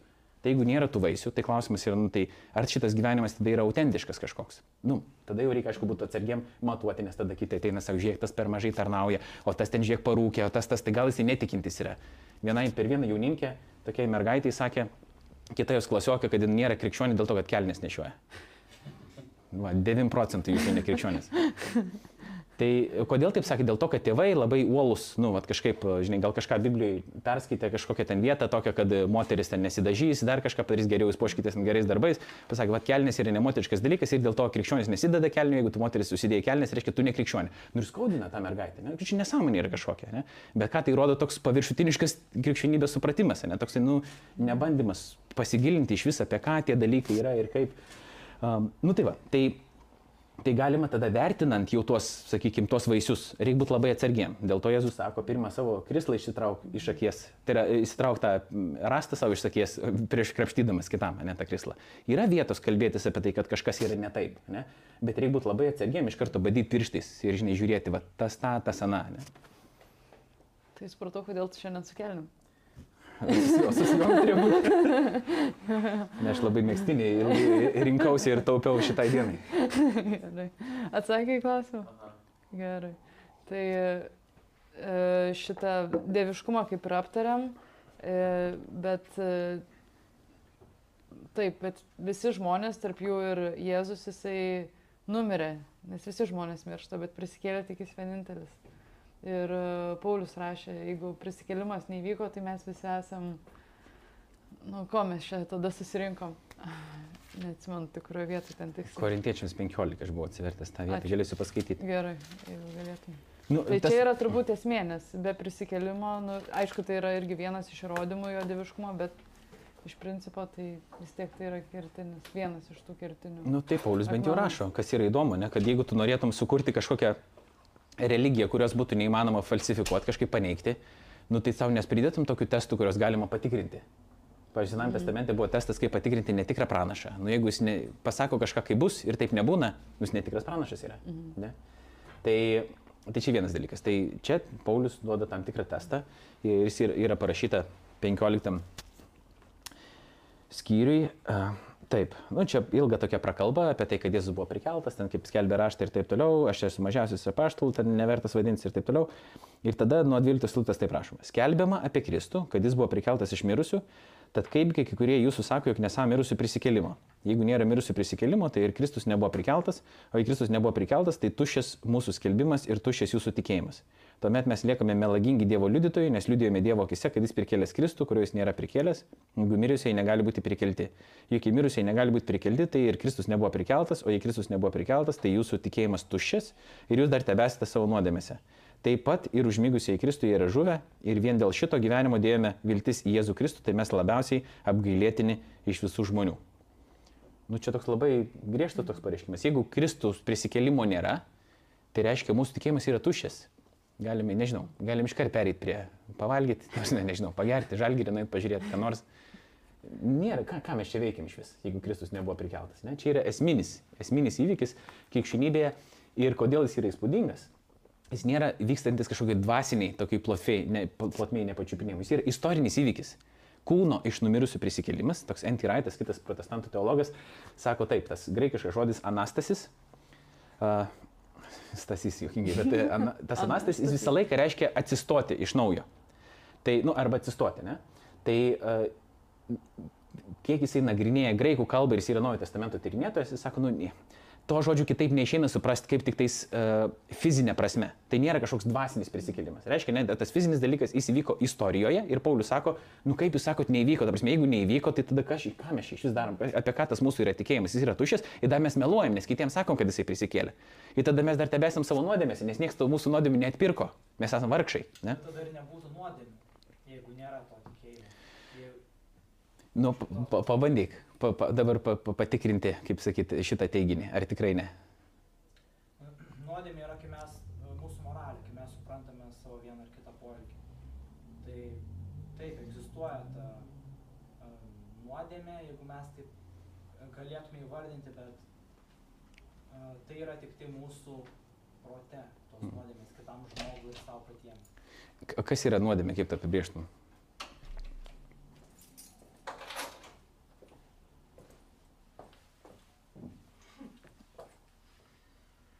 Nu, kai tu sakai šitą žodį, ką tu turi omeny? Nuodėmė tai būtų uh, nusižengimas galbūt kitam žmogui. Mhm. Nu, čia vienas galėtų būti toksai iš apibrėžimų, bet e, bandykim grįžti tada prieš tai, prieš prisikėlimą. Nes Senajame testamente uh, yra nuodėmės samprata ar ne? Iki Kristaus. Aha, okay. Kokiu pagrindu tada galima sakyti, kad ta nuodėmė nu, egzistuoja? Nes aš sutikčiau su tavim vienu, vienu, aš paaiškinsiu, kaip, kokiu būdu aš su tavim sutikčiau, bet reikėtų tam nu, kvalifikacijos, paaiškinimo, kodėl.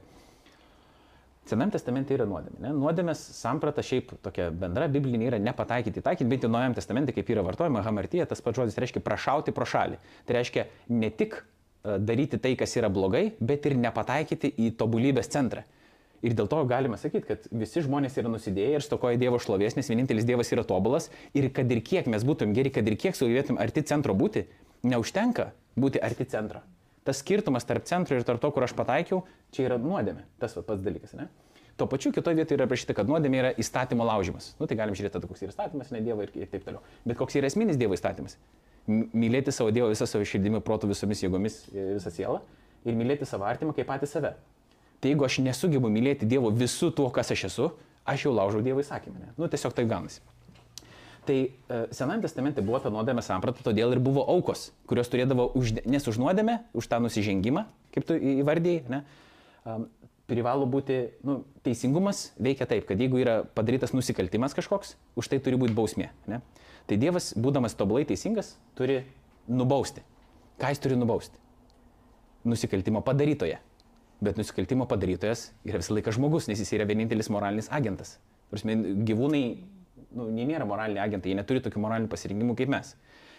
Kokią Dievas tą sistemą, nu, kaip sakyt, buvo, mes skaitėme šventame rašte Senajame testamente. Tai yra, kad vietoj mūsų vietoj to, kad mes patys mirtumėm prisėmę tas nuodėmės pasiekmes, yra duodamas substitutas, pakaitalas. Tai yra gyvūnas, kuris yra nekaltas. Ir tai yra provaizdis Kristaus, kuris yra galiausiai tas galutinis nekaltas, ne? Tas Dievo avinėlis, kuris miršta už mūsų visų nuodėmės. Tai nuodėmė jau egzistuoja, todėl kad e, egzistuoja Dievas, kuris yra tobulumas ne? ir mes turim gyventi pagal jo valią, mes turim atspindėti tobulai jį ir mes to nesugebam padaryti. Tai nėra tai būtinai daryti vien tik tais blogus dalykus. Tai yra ir nesugebėjimas padaryti uh, nu, tobulo, tobulai vykdyti meilės įsakymą, vadinkim taip. Ne? Ir tada uh, jeigu nėra to sprendimo, yra tik tais, nu, laikini sprendimai tokie, kad nu, per gyvulinės atnašas uh, yra uh, kažkaip uždengiamos nuodėmės, nes, pavyzdžiui, po 70 metų, kai buvo šventykla sugriauta, antroji šventykla Izraelio, tai iš vis nebėra tų galimybės, tų atnašų kažkokio aukoti. Ne? Tada tokia nu, problema. Nu, mes neturim tos problemos. Ne? Dar uh, žydams judėjams jinai yra, egzistuoja ta problema. Tokia, ką čia dabar daryti. Taip, sinagogos tik vėliau tenais išsivystė. Tai, tai vis dėlto ir be Kristaus prisikėlimo, ne, ta nuodėmė vis tiek būtų. Bet, kur aš dabar su tavim sutik, sutikčiau čia, jeigu Dievo nėra, jeigu Dievo nėra, tai nėra tokio dalyko kaip nuodėmė, todėl kad nėra tokio dalyko kaip gera ir bloga. Dabar viskas yra subjektyvu, man taip atrodo, tau kitaip atrodo ir tiek. Nu ir kas man pasakys dabar, kad tavo požiūris yra geresnis ar blogesnis už mano, man gali nepatikti. Man gali nepatikti, kas nors nori man duoti nosį arba ten pravadžiuotis ar dar kažką. Nu bet o kas, kur yra tas standartas, kuris man dabar pasakys, kad vis dėlto tai yra blogai. Ne? Kodėl, nu tiesiog taip atsitiko. Ne? Vienose kultūrose vienokia kažkokia moralė susiformavo, kitose kitokia kažkokia moralė susiformavo. Man taip atrodo, tau kitaip atrodo. Ir tokiu atveju, jeigu Dievo nėra, čia ne, ne, ne tai, kad Kristaus prisikėlimo nėra, bet jeigu Dievo nėra, nu tai taip, aišku, tos nuodėmės nėra. Ne, nes nuodėmė yra nuokrypis nuo to, kaip turėtų būti. Ne? O jeigu nėra taip, kaip turėtų būti, yra tiesiog taip, kaip yra. Ne visą laiką yra. Nu, jeigu nėra Dievo, tai yra taip, kaip yra. Ir viskas. Nėra nei kaip turėtų būti, nei kaip neturėtų būti. Tiesiog visą laiką, kokią situaciją mes beturim, mes turim faktą. Nu, taip yra. Ir tiek. Ir tada mums gali patikti, nepatikti. Bet nuodėmės jokios nėra. Nėra jokio nuokrypio, yra tiesiog nu, toks plikas, plikas faktas. Kažkiek į tą pusę aš čia kažką tau bandau sureaguoti. Gerai supratau, tai be Dievo nebūtų ir mūsų moralės. Va, mes šiandien per pietus, žinok, diskutavom pusantros valandos su penkiais žmonėmis šitą klausimą. Ir šiek tiek nuomonės įsiskyrė, visi krikščionys buvo. Bet čia priklauso nuo to, ką tu laikai, ką tu vadini morale ir moralė objektyvi ar subjektyvi. Tai trumpai tariant, tokia išvada yra. Būtų toks dalykas, tikriausiai, net jeigu Dievo nėra, būtum galėtume įsivaizduoti, kad įsivystė tam tikros moralinės normos, su kuriamis didžioji dalis žmonių sutinka. Ne? Tai tam tikrą prasme tokia moralė egzistuotų. Kad yra dalykai, kurie yra geri žmonėms. Pavyzdžiui, tai, nu, pavyzdžiui koks yra geris žmogui. Pavalgyti yra geris žmogui, net ten pragyventi uh, ilgiau yra geris žmogui, ten nepatirti daug kančios, didžiąją dalim atveju yra geris žmogui, nors kartais ir kančia veda į tam tikrą gerį. Ne?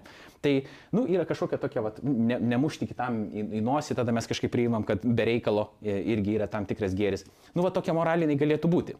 Bet jinai e, tada kabėtų ore. Todėl, kad mes turim turėti pirmą prielaidą. O kad žmogus yra pats vertingas savaime. Nu, ta prasme, kad visa ta mūsų moralė yra susijusi su žmogumi ir po to, kaip žmogus saveikauja su kitu pasauliu. Tai tam, kad mes galėtumėm pasakyti, kad žmogus yra vertingas, ne, mes tada turim iš kažkur gauti tą jo vertę. Nu, iš, ko, iš, iš ko mes ją gaunam? Jeigu jis yra atsitiktinis, šalutinis, toks šalutinis visatos formavimosi produktas, nu, tai kuo, jis yra vertingesnis ten už kėdę, už keulę, už skrusdėlę ar dar už ką nors, ne? E, bet mes jaučiam visi, kad žmonės yra kažkokią tokią prigimtinę vertę turi, mes tiksliai gal nesusigaudom, kodėl. Krikščioniškas, aišku, atsakymas yra toks, kad nu, vat, žmogus yra, kadangi sukurtas pagal Dievo atvaizdą, jis yra kokybiškai kitoks nuo visos kūrinijos, jis yra tam, turi tam tikrą pašaukimą, ne? ir jis turi prigimtinę vertę, nesvarbu nuo savo įsitikinimo, ten lytinės orientacijos, odos spalvos, dar ko nori, nesvarbu, visi Visi žmonės turi tą prigimtinį orumą. Tai be Dievo, tai tada trumpas atsakymas į tą klausimą būtų toks. Kažka, kažkokie dalykai, kuriuos mes galėtum pavadinti morale, ne, jie galėtų turėti paaiškinimą be Dievo.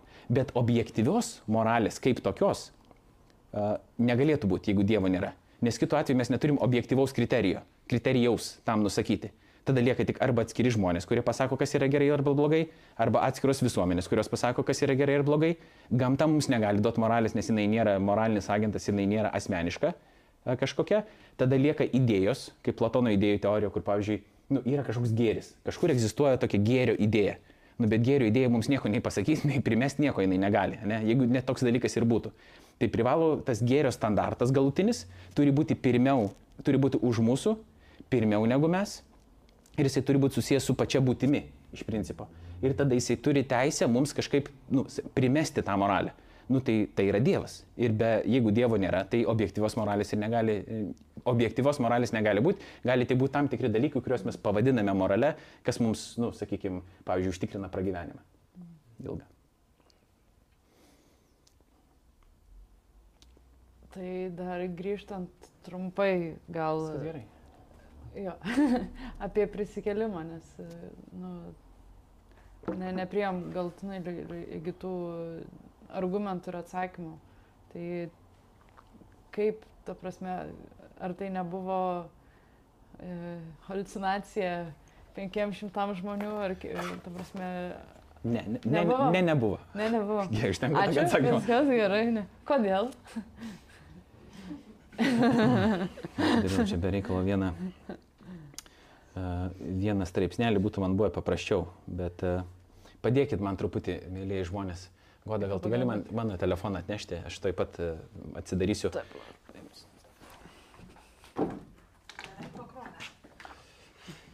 Dėkau.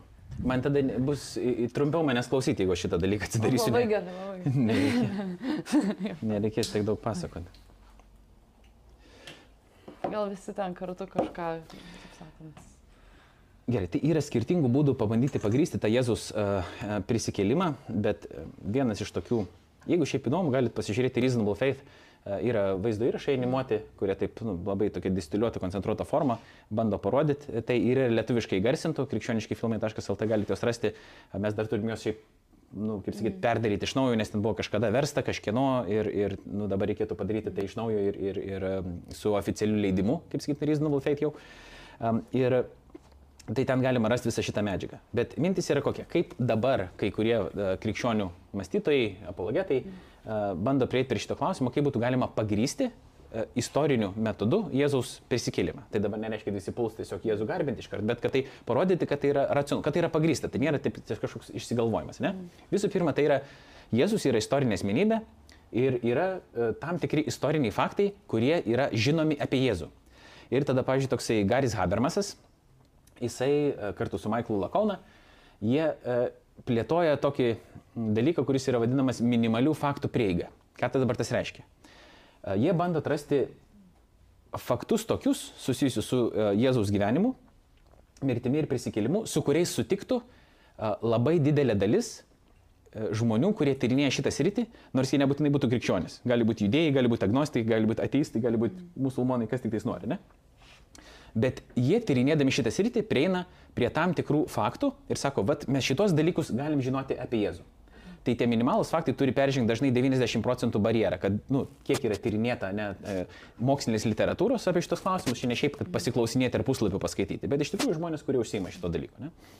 Tai jie sako tada tie mokslininkai, kad va tokius dalykus mes galim žinoti, plus tie dalykai ne tai, kad mokslininkai tik mes suskaičiavam galvas, kas ten pritarė šitiems dalykams, bet šitiem kiekvienam iš tų faktų galima rasti atskirų argumentų pagrysti. Kad net jeigu kažkas norėtų paprieštarauti, sakom, ne, bet žiūrėk, yra gerų argumentų šitiem faktam pagrysti. Ir tada, kai mes turim tą faktų rinkinį, mes sakom, klausim kito klausimo, o kas geriausiai šitą faktų rinkinį paaiškina? Nu tai va, tai dabar mes taip, taip pat aš tuos kelis faktus pateiksiu, pabandysiu trumpai e, pristatyti, kokie jiems yra argumentai ir tada pažiūrėti, o kokie, nu, koks modelis geriausiai tos faktus paaiškina. Tai tų faktų kartais priskaičiuojama yra iki keliolikos, Gario Habermas, o mes čia pažiūrėsim tris ar keturis, kad būtų paprasčiau. Ir šiaip mano straipsnelis yra, mm, yra apologetika.lt ir bernardinai.lt, vadinasi, ar galima pagrysti Jėzus prisikėlimą, arba ar verta švesti Velykas, nu kažkaip taip galima atrasti ir tokių ir tokių pavadinimų. Tai pirmas faktas yra, e, kad Jėzus numirė nukryžiavimu. Ne šiaip, kad jis numirė, bet kad yra istoriškai įtvirtinta, kad Jėzus buvo nukryžiuotas ir numirė ir net mes žinom, prie ko jisai numirė, kas jį nu- nuteisė, miriop, tai Poncijus pilotas, valdytojas ne romėnų, ir tada kas uh, paėmė jį ir palaidojo. Juozapas iš Arimatėjos, jo vardas yra netgi mums žinomas, čia yra pakankamai, uh, pakankamai daug. Ir tai, kad Jėzus buvo uh, numiręs nukryžiavimu, tai ir ekstra bibliniai, tai reiškia ne bibliniai šaltiniai irgi, um, irgi tai paremia. Ten žydų istorikas Juozapas, toksai romėnų istorikas Tacitas ir daugiau jų. Tai šio laikiniai irgi įvairius netgi krikščionybės nedraugai, kaip Bartas Ermanas arba Džonas Dominikas Krosonas, sako, kad um, Jėzaus iš Nazareto mirtis ant kryžiaus yra istoriškai, tikra, yra istoriškai tikra, jeigu tai gali būti kažkas istoriškai tikra iš senovės istorijos, tai mes šitą dalyką žinom. Bet gerai, turim tokį faktą, ne? Jėzus ne tik egzistavo, bet jisai ir buvo nukryžiuotas ir numirė ant kryžiaus. Tada kitas faktas yra, kurį Gary Habermasas nelaiko minimaliu faktu dėl to, kad neperžengė 90 procentų kriterijus, ten gal 75, kažkas tokio, bet jį galima paremti atskiriais argumentais. Kapas buvo tušis. Gerai, turim Jėzų, kuris yra uh, nukryžiuojamas ir po to yra randamas uh, tuščias kapas.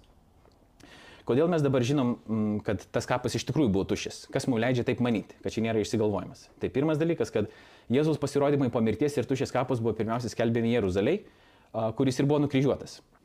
Tad tie priešininkai, kurie norėjo sakyti, ne, ne, čia nesąmonė buvo, nes tikrai buvo daug Jėzus priešininkų, jiems buvo nesunku parodyti, kad kapas yra netušis. Tai reikėjo nueiti į tą kapą, sakyti, žiūrėk, guli.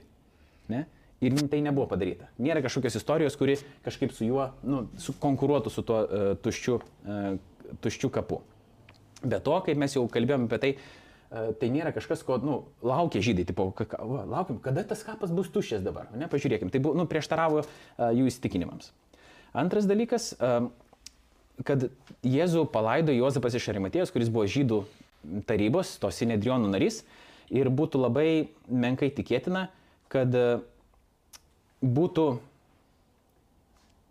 būtų išsigalvoję tokį kaip ir priešininką, kuris tapo draugiškas krikščionybei, tie ankstyviai krikščionys, tam, kad paremtų savo naratyvą, o negana to, dar ir kapą tuščią rado pirmosios moteris. O moterų liudijimas nebuvo laikomas tokiu vertingu kaip vyro. Tai jeigu tu nori sustiprinti savo tą bylą, parodyti, kad va čia yra iš tikrųjų rimtas pasakojimas ir tu kuri pats sugalvoji, tai tu ieškai pačių stipriausių argumentų, o ne ieškai pačių silpniausių. Čia toks angliškai vadinasi criterion of embarrassment. Tai sugėdinimo kriterijus. Ta prasme, kad jeigu kažkas apie tave, pavyzdžiui, arba apie tą dalyką, kuriuo tu tiki, jis yra gėdingas, nu, prisipažįsti, tai yra tikėtina, kad tu sakai tiesą, nes kitu atveju kam tau sakyti. Ta prasme, nu, ne, nu tiesiog tu sakai, nu, okei, okay, biški gal gėda, nu, bet tai buvo, ką man dabar daryti, ne? Tai pirmasis kapą pamatė moteris. Tai kitu atveju, jeigu norite sukurti grand naratyvą, tokį pasakojimą, tai geriau vyrus naudoti tam, žinai, tos uolius kažkokius, žinai, tokius, kuriais galima pasitikėti. Ir trečia, tas pasakojimas atitinka e, istorinius kriterijus, kad yra daug ankstyvų ir nepriklausomų liudininkų šaltinių, tarp kurių ir priešininkų patvirtinimai bei tas minėtas sugėdinimo kriterijus, kad kapas buvo tušis. Ir dar vienas įdomus dalykas apie tą tuščią kapą. Jūs skaitot, nu, tai mes skaitom kaip stebuklo ten, nu, kiek, porą pastraipų, toks nu, didžiausias krikščionybės įvykis. Ir ten tokio netrodo, nu, jokios fanfaros ten nešaudo, niekas kažkoks, nu, toks, va, atrodo, kasdieniškas pasakojimas, ne, apie tokį dalyką.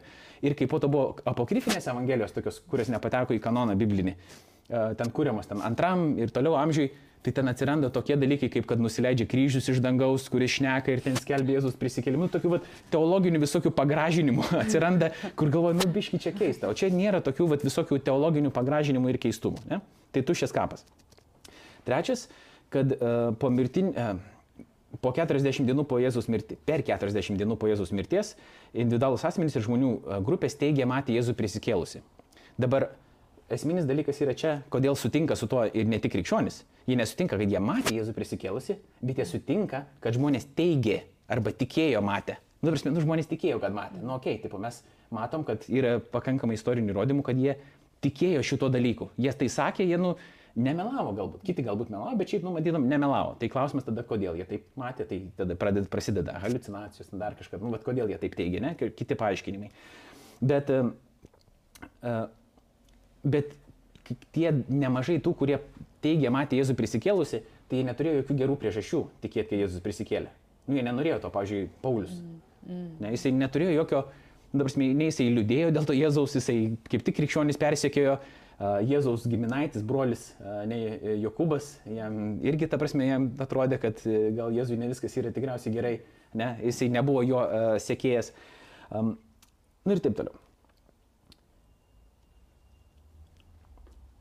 Kitas dalykas yra uh, dėl to, mm, pomirtinių tų pasirodymų, pirmam laiškio korinitiečiam 15 skyriui, uh, jeigu jūs pažiūrėsite savo Biblijas, ten dažniausiai yra išskirta kitokiu šriftu.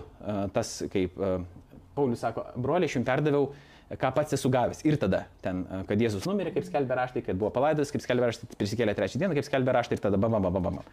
Tai ta formulė, jinai yra senesnė, negu kad Paulius ją užrašė. Ką tas reiškia? Ta prasme, tai nebuvo Pauliaus sugalvoti žodžiai. Šitie dalykai jau buvo iš lūpų į lūpas perdodami, kažkokia tokia, nu, ta žodinė tradicija vadinama, kuri yra labai ankstyva. Uh, jinai ten keli metai po Jėzaus mirties išsikristalizavo Ir taip žmonės perdodavo tą tikėjimą apie Jėzų, kas ten buvo, kol galiausiai Paulius užrašė. Sako, čia ne mano jau yra žodžiai, aš tiesiog užrašau, kas jau buvo prieš tai. Ir nebuvo laiko išsiplėtoti legendai apie tai, kad vat, praėjo ten 50, 100, 200 metų ir tada žmonės pradėjo sakyti, o žiūrėk, čia buvo tokių, kurie matė Jėzų prieš... Ne, čia jau anksti. Žmonės jau šitos dalykus sakė anksti ir legendai nebuvo laiko uh, susiformuoti. Tai va, nu ir galiausiai krikščionybės ištakos, tas ketvirtas faktas, kad krikščionybė tarsi sprogo. Nu žiauriai greitai toksai keistas judėjimas su uh, lyderiu, kuris buvo užmuštas. Uh, jis dažniausiai, jeigu būdavo kažkoks, nu, prasidėdavo, čia Jėzus nebuvo vienintelis tokia mesijinė figūra uh, tais laikais, ne? Pirmam amžiui buvo tokios mesijinės viltis, kad, kad čia kažką Dievas padarys ir atsirasdavo tai vienas, tai kitas skirtingais laikotarpiais, kurio, žinai, surinkdavo grupelę žmonių ir tada baigdavos dažniausiai taip, jeigu tas lyderis miršta, tai arba grupelė išsiskirsto, arba koks nors giminaitis perima uh, tą valdžią. O čia buvo visiškai kitaip. Lyderis mirė, niekas neperėmė, ta prasme, jo valdžios, o žmonės pradėjo skelbti, kad jis grįžo iš numirusių ir, na, nu, sakykime, skelbti tą, skelbti tą jo vardą ir su ta žinia patys ėjo iki mirties. Nemaža dalis jų. Ne? Čia klausimas tiksliai kiek ir kaip, bet nemažai jų patys bent jau buvo linkę rizikuoti savo gyvybę, skaldami šitą dalyką. O ką jam laimėti iš to? Prasme, nu, bonusų būti krikščionimi, taip žiūrint grinai iš žmogiškos perspektyvos, pirmam amžiui, nu, labai menkai. Prasme, nu, beveik nebuvo jokių. Ne? Tai ten, nu, sadomazochistas turi būti, aš nežinau, kas ten turi, žinai, būti, nebent tiki iš tikrųjų, kad tai yra tiesa ir kad tai yra amžino gyvenimo viltis. Nu, tada skelbi ne, šitą dalyką. Ir krikščionybė žiauriai greitai išplito. Tai kaip dabar, žinai, sako, krikščionybė galios įrankis, bažnyčia galios įrankis. Nu, visų pirma, aišku, ne taip yra. Bet net jeigu ir taip galvoji, kad taip yra, tai pirmaisiais amžiais nieko panašaus į tai nebuvo. Tai buvo persiekėjama žydų sekta kur galiausiai buvo legalizuota Romos imperija ketvirtam amžiui ir po to vėliau įgavo imperijos religinį tą statusą, kai atsivertė imperatoriai ir taip toliau. Ne? Bet pirmie keli amžiai nebuvo labai, labai malonus ir labai patogus. Ne? Tai mes turim tokius faktus, kad uh, Jėzus numirė ant kryžiaus, buvo rastas tuščias kapas, mokiniai teigė, matė Jėzų prisikėlusi ir krikščionybė labai greitai išplito. Tada mes klausim tokio klausimo. O kas geriausiai gali paaiškinti šitos visus faktus? Ir mes tada sakom, nu, prisikėlimas. Nu, prisikėlimas yra geriausias paaiškinimas šitiem visiems faktam, kad tai, ką sakė mokiniai, kad tai ir yra tiesa. Jeigu nori pasakyti, kad tai yra netiesa, nu, tai tada turi duoti kažkokį kontrargumentą arba geresnį paaiškinimą. Nu, at, koks? Pavyzdžiui, mokiniai pavogė kūną. Nu, mokiniai, kad pavogė kūną, tai gali paaiškinti tik tai tuščią kapą. Vienas dalykas. Ne? ne visus. Tai reikia paaiškinti, kad visus paaiškintų tuos faktus. Paaiškina tik vieną, bet paaiškina labai prastai. Nes kaip? Kodėl vokti. Visų pirma, koks jiems tikslas vokti, o po to meluoti, e, kad pavogė ir tada dar už tai kentėti. Ne? Nu, bonuso nėra jokio. Kitas dalykas, tas kapas buvo saugomas. Nu, nėra lengva iš romėnų tų uh, sargybinių uh, pavokti tą kūną. Nu, tai tas nelabai ten brinksta. Halucinavo tada. Nu gerai, halucinavo, tai tada paaiškina uh, tik tais tas irgi daugiau mokinių patirtis, kad jie matė Jėzų prisikėlusi. Bet halucinacija yra toks dalykas, kuris vyksta tavo galvoje, ne 500 vienu metu. Ne? Uh, irgi yra problematiški, yra dokumentuotų tokių masinių halucinacijų. Yra tokių teorijų, kad e, ten Jėzus turėjo savo dvynį, broli, kad tas numirė, po to jis ten kažkaip pasislinko, tada iš tikrųjų išlindo tas dvynys iš kapo, ta prasme, jiems atrodė, kad čia yra Jėzus, nu, tai, tokių irgi sueina paaiškinimų, bet visi tie naturalistiniai paaiškinimai, vadinkim taip, nu, jie visi yra blogesni. Mm. Tai vienintelis dalykas, kodėl žmogus tad sako, nu, prisikėlimo aš negaliu priimti, jeigu jis sako, stebuklų negali būti. Nu, sako, stebuklų negali būti, dėl to prisikėlimas tiesiog iš principo neįmanoma jo priimti. Bet jeigu Dievas yra, tai stebuklai yra įmanomi. Nes šita visata nėra uždara ir Dievas gali kažką padaryti. Tai jeigu mes nesilaikom tos uždaros tokios pozicijos, kad e, Dievo nėra ir stebuklai yra neįmanomi, nu, tai tada mums prisikėlimas yra variantas. Ne? Ir tada tai, nu, taip ir atrandam to prisikėlimo pagrindinį. Ja. Ačiū. Neužkom. Koncentratas toks geras. Tai dabar prie klausimų prieisim, kas, kas yra užrašyta. Jo. Tai dar galim pasiūsti, jeigu kažką, bet jau gausit atnešti e, prie... Aha, jau tušnuką paduodu.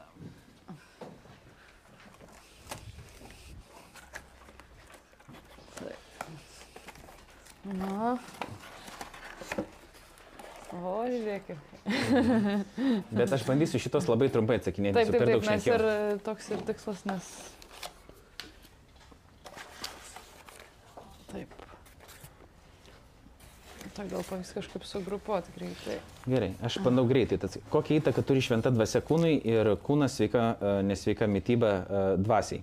Siūlau pažiūrėti, jeigu iš tikrųjų yra įdomu, kažkada mane kvietė viena iš baptistų bažnyčių, organizavo tokį pokalbį, ar sveikame kūne ir sveika siela.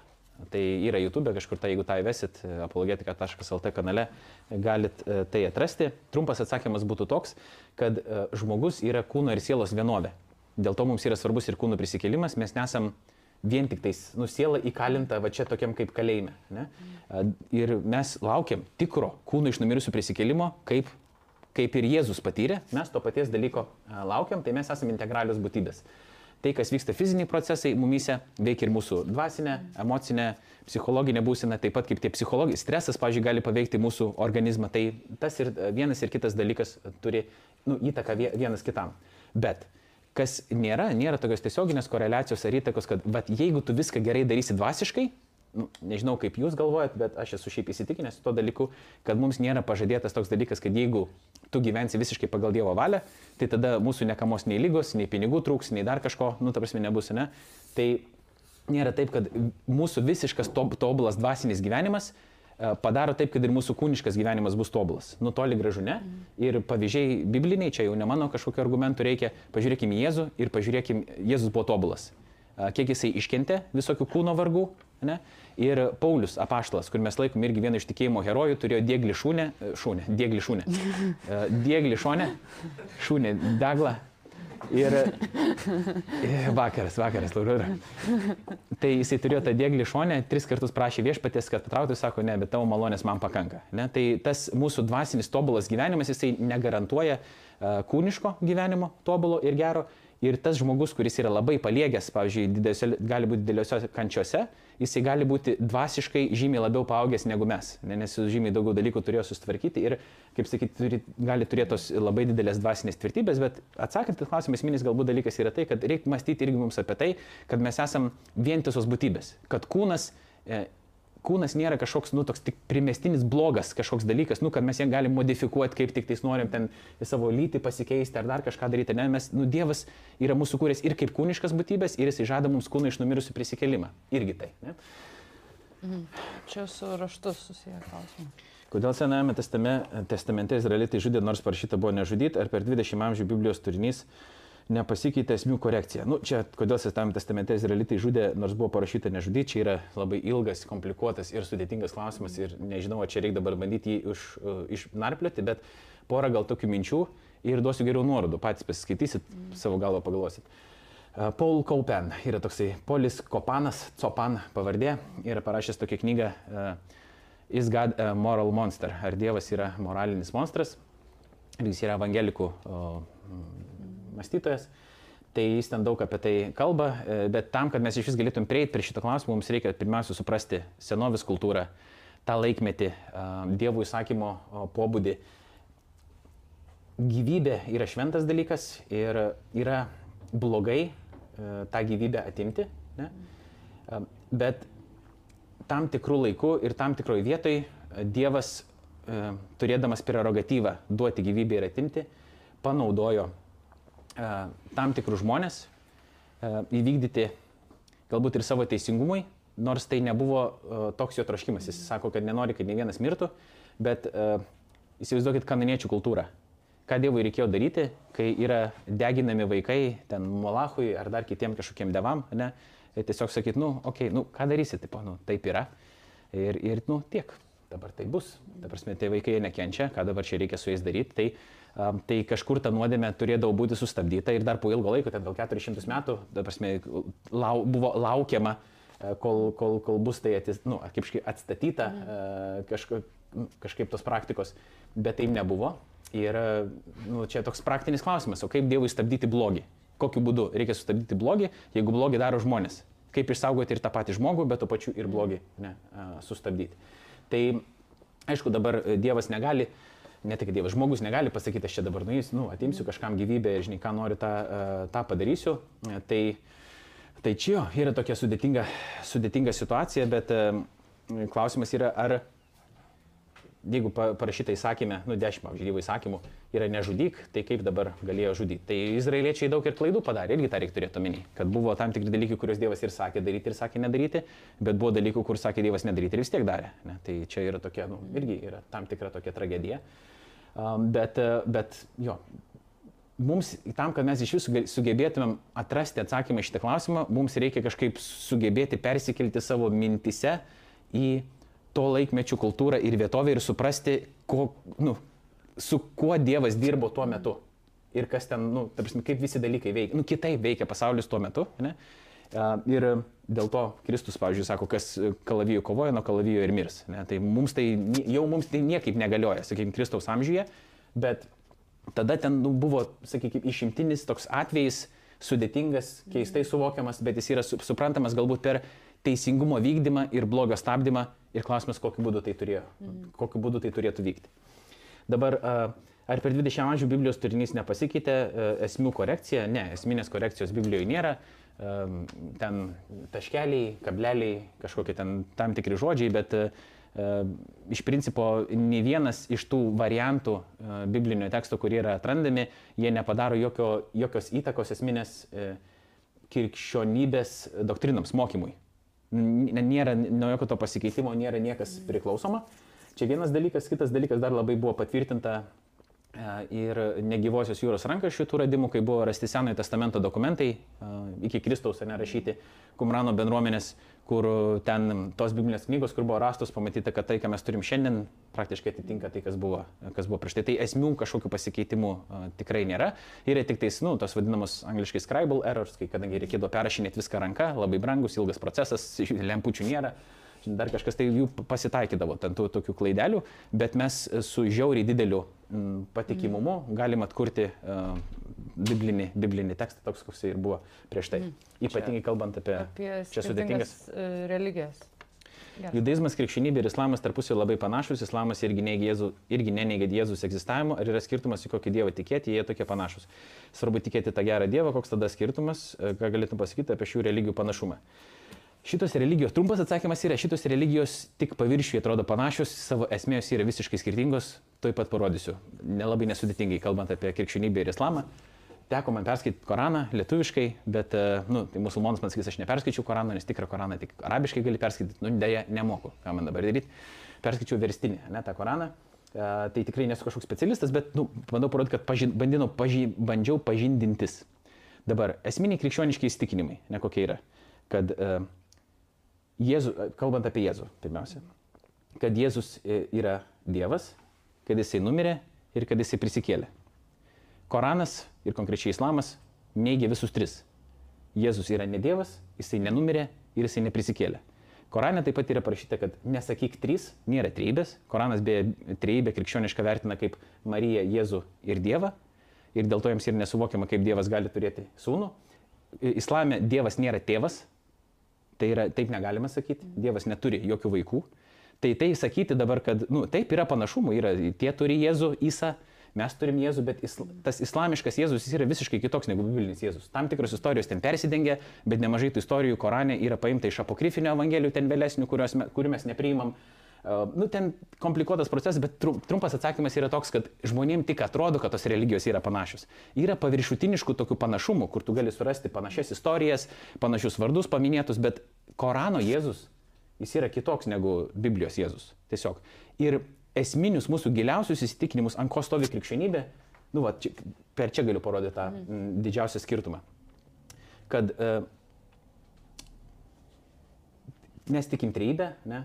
Uh, islamas netiki treibę ir didžiausia nuodėmė islamė yra kokia širk. Tai yra asocijuoti, kažką priskirti Alahui kaip partnerį, kažką sulyginti su juo. Tai mes, laikydami Jėzų, Jėzų Dievu, mes padarom pačią didžiausią nuodėmę islamo akise. Nu tai kaip tai gali būti tas pačios religijos ir lygiai apie tą patį kalbėti. Tuo labiau, kad e, mes kalbame apie Dievą kaip meilę, bet Alachas nėra visą mylintis Dievas, jis myli tik tais tobulus musulmonus, kurie, o tas islamas reiškia paklusti, ne? paklusti Dievui tobulai. Ir, e, nu tai Jo, sakau, kažkodėl taip žmonės galvoja, bet dažniausiai žmonės taip galvoja, bet niekada nėra pasinagrinėję, iš ką iš tikrųjų tos religijos moko. Jos tik paviršutiniškai yra panašios, o savo esmė tos religijos labai, labai stipriai skiriasi. Ir išgelbėjimas skiriasi. Mums išgelbėjimas yra per asmenį Jėzų Kristų, nu, islamė visiškai kitaip tai yra. Tai nuo Allaho valios tavo priklauso, nuo tavo elgesio, ką tu ten darysi ir tai darysi. Allahas gali kitaip kažkaip pasirinkti, nes viskas yra, nu, jo, sakykime, toje valioje ir tu esi tik tais jo tarnas. O mes esame vadinami Dievo sūnumis, o islamė mes niekaip Dievo sūnumis negalėtume būti pavadinami. Nu, prasme, Dievo sūnumis ir dukromis, ne? Tai trumpas atsakymas yra toks, kad islamo Dievo konceptas ir krikščionybės Dievo konceptas labai stipriai skiriasi, skiriasi išgelbėjimo konceptas, bet yra daug tam tikrų panašumų. Yra ten, pavyzdžiui, kad islamas tiki ir kad ten Marija buvo nekalta, ne, nekaltas prasidėjimas įvyko, kad Jėzus buvo pranašas, bet kad jis nėra Dievas, o Jėzui ne, nu, mums neužtenka, kad Jėzus yra pranašas, tik tais jis yra, jis yra, jis yra Dievas įsikūnęs. Dar į tą pačią temą e, klausimas, e, tai kodėl kitų religijų atstovai, ten vat, musulmonai, budistai, mormonai, kodėl jie patiria asmeninės tokias dvasinės patirtis, kurios pat, nu, užtikrina jų tikėjimą? Nežinau. Gerai, tai irgi atsakymas. Taip, nežinau, nežinau, kodėl patiria. Nu, visų pirma, tai reikia suprasti, kad Dievas myli visus, ne tik tais krikščionis. Nu, ne? Tai uh, Dievas gali leisti tam tikrus dalykus, kad žmonės patirtų, kad ir žmonės juos būt klaidingai interpretuoja, ne kažkaip. Ir, bet tu gali turėti kažkokią dvasinę patirtį, kurią tu dabar interpretuoji kaip patvirtinančią dabartinį tavo kažkokį tikėjimą. Bet po to, po kurio laiko tu suprasi, kad iš tikrųjų prie manęs Dievas jau lietėsi tada, nors man tai atrodo, kad prie to, sakykime, tai, bet galiausiai šita patirtis mane nuvedė prie tikrojo Dievo, tik tai jeigu aš esu nu, atviras šitam dalykui. Tai um, aš ne, dabar nepulsiu į Dievo vietą, kaip sakyti, kodėl nu, Dievas leidžia šitos dalykus. Iš kur aš žinau, kodėl jisai taip leidžia. Um, tai būna, čia vienas dalykas, kad, kad Dievas leidžia kartais. O kitas dalykas, kad nebūtinai tos patirtis ateina iš Dievo, bet žmonės taip interpretuoja. Ne? Yra platesnis dvasinis pasaulis. Mm. Tai yra ir iš kitų dvasinių būtybių, sakykime, tai gali ne, įvykti. Čia vienas dalykas, gali tai įvykti ir dėl mūsų psichologijos, dėl mūsų emocijų, prisivalgys gali būti, vaistų privartojęs gali būti. Nu, daug visokių yra tų dalykų, ne, kad e, nėra taip, kad nu, mums nereikia įsivaizduoti, kad Dievas sėdė ir tik tai siuntinėja visiems smegenys kažkokią patirtį ne, ir tiek. Tai, tai nu, Dievas veikia absoliučiai su visais žmonėmis Ir yra taip parašyta, man atrodo, paštalų darbuose, kad Dievas paskyrė laikus ir vietas, kad žmonės gimtų ir tada galbūt jo ieškotų ir galbūt įrastų. Nu, kad mes esame visi tam tikrų laikų ir tam tikroje vietoje tam, kad mes turėtumėm prieimą prie tos išgelbėjimo žinios ir patirtumėm Dievą. E, ir jisai nu, mums nedėlė leidžia suklysti, neretai, bet su ta viltimi. Nu, bet tas suklydimas, jis niekada nėra galutinis suklydimas, nes nėra nei vieno tokio žmogaus, kuris per klaidą bus neišgelbėtas. Nu, taip, oi, kažkas nepaskelbė Evangelijos, oi, kažkas blogai paskelbė, oi, ne ten aš kažkur gimiau, ne toj šaly. Nėra nei vieno tokio, nu, nepergyvenkit, nėra nei vieno žmogaus, kuris e, nepažins Dievo meilės, jeigu jis tą meilę, nu, būtų priemęs. Visi, kurie e, pasirinktų Dievą, visi jie ir pasirinks Dievą galiausiai. Dabar, nu, tai yra tai, kad Dievas sudarys sąlygas absoliučiai visiems, trauks taip, kad visi tie, kurie priimtų Evangeliją, galiausiai ją ir priims. O mums jisai leidžia dalyvauti šitame, nu kažkaip darbė, tai jis nuo mūsų naštą nuima truputį. Čia nėra taip, kad va dabar mes viską tobulai padarysim ir tada, žinai, kažkaip, va, o čia kažkokia gentis pražiūrėta ten ir jie niekada neišgirdo apie Dievą. Pasirūpins, viskas gerai. Klausimas yra, ką Dievas nori irgi, kad mes darytumėm šitam kontekste. Mhm. E, ir du vat, klausimai susijęs su čia į kitą temą apie vandens krikštą ir mhm. šventosios dvasios krikštą. Tai pirmiausia, kas tai yra šventosios dvasios krikštas? E, kaip aš galiu gimti iš aukšto, ką tai reiškia. Ir nu, čia irgi tas pats, dėl ko tai žmogui yra svarbu, kodėl apskritai to krikšto reikia, jeigu tu gali patikėti ir viskas tvarkoja. Ir... Okay. Tai tikrai šventos dvasios krikštas yra prašomas Naujam testamente, bet kadangi tai uh, tarp skirtingų konfesijų vyksta diskusija, aš nesimsiu šitą klausimą mm, nagrinėti. Taip, taip, taip, bet, tai, nu, taip. kaip sakyt, uh, Čia jau dėrėtų pirmiausia šitos klausimus bandyti klausti savo denominacijos rėmose, e, e, kaip sakyti, su pastoriumi aptarinėti ir panašiai. Bet ką, į ką aš galiu atsakinėti į šitą dalyką, tai ką reiškia tada gimti iš aukšto, ne, kad tai nėra formulė kažkokia, nėra tai, kad tu pasakėjai kažkokius dalykėlius, ten dar kažką padarėjai, bet kad Dievas tave gimdo iš aukšto ir vienintelis dalykas, ką aš galvoju, ką praktiškai galima padaryti, tai tiesiog, nu, kaip Kierkegoras sako, toks irgi protestantų teologas, filosofas, jis sako, nu, reikia mestis į mylinčių Dievo rankas. Nu, tiesiog arba rezignuoti, tai reiškia pasiduoti. Viskas. Ir kad, nu, Dieve, aš nieko neturiu, aš neturiu tau nieko ko atnešti, ko duoti. aš esu, kaip sakyt, pasiklydęs, pasimetęs ir tiesiog, nu, paimk mane kažkaip. Nu ir Dievas kažką padarys, aš nežinau kada, ar šiandien, ar rytoj, ar poryt, bet jisai mato tą širdį ir jisai padarys tą atgimimą. Nu, prasme, aš ne aš tau galiu atgimimą iš aukšto išprovokuoti, ne aš savo pats negaliu to dalyko išsiprovokuoti, čia ne maginis kažkoks dalykas yra, ne? Kad paimi ir bam, kas nori dabar gimti iš naujo. Ten. Čia Dievas taip daro šitą dalyką, bet ką mes galim padaryti, tai tiesiog nuolankiai ateiti pas jį ir sakyti, nu viešpatė, nu, padaryk, padaryk su manim kažką. Ir jisai ras būdą, kaip tą, kaip tą padaryti, kaip jūs suprasite.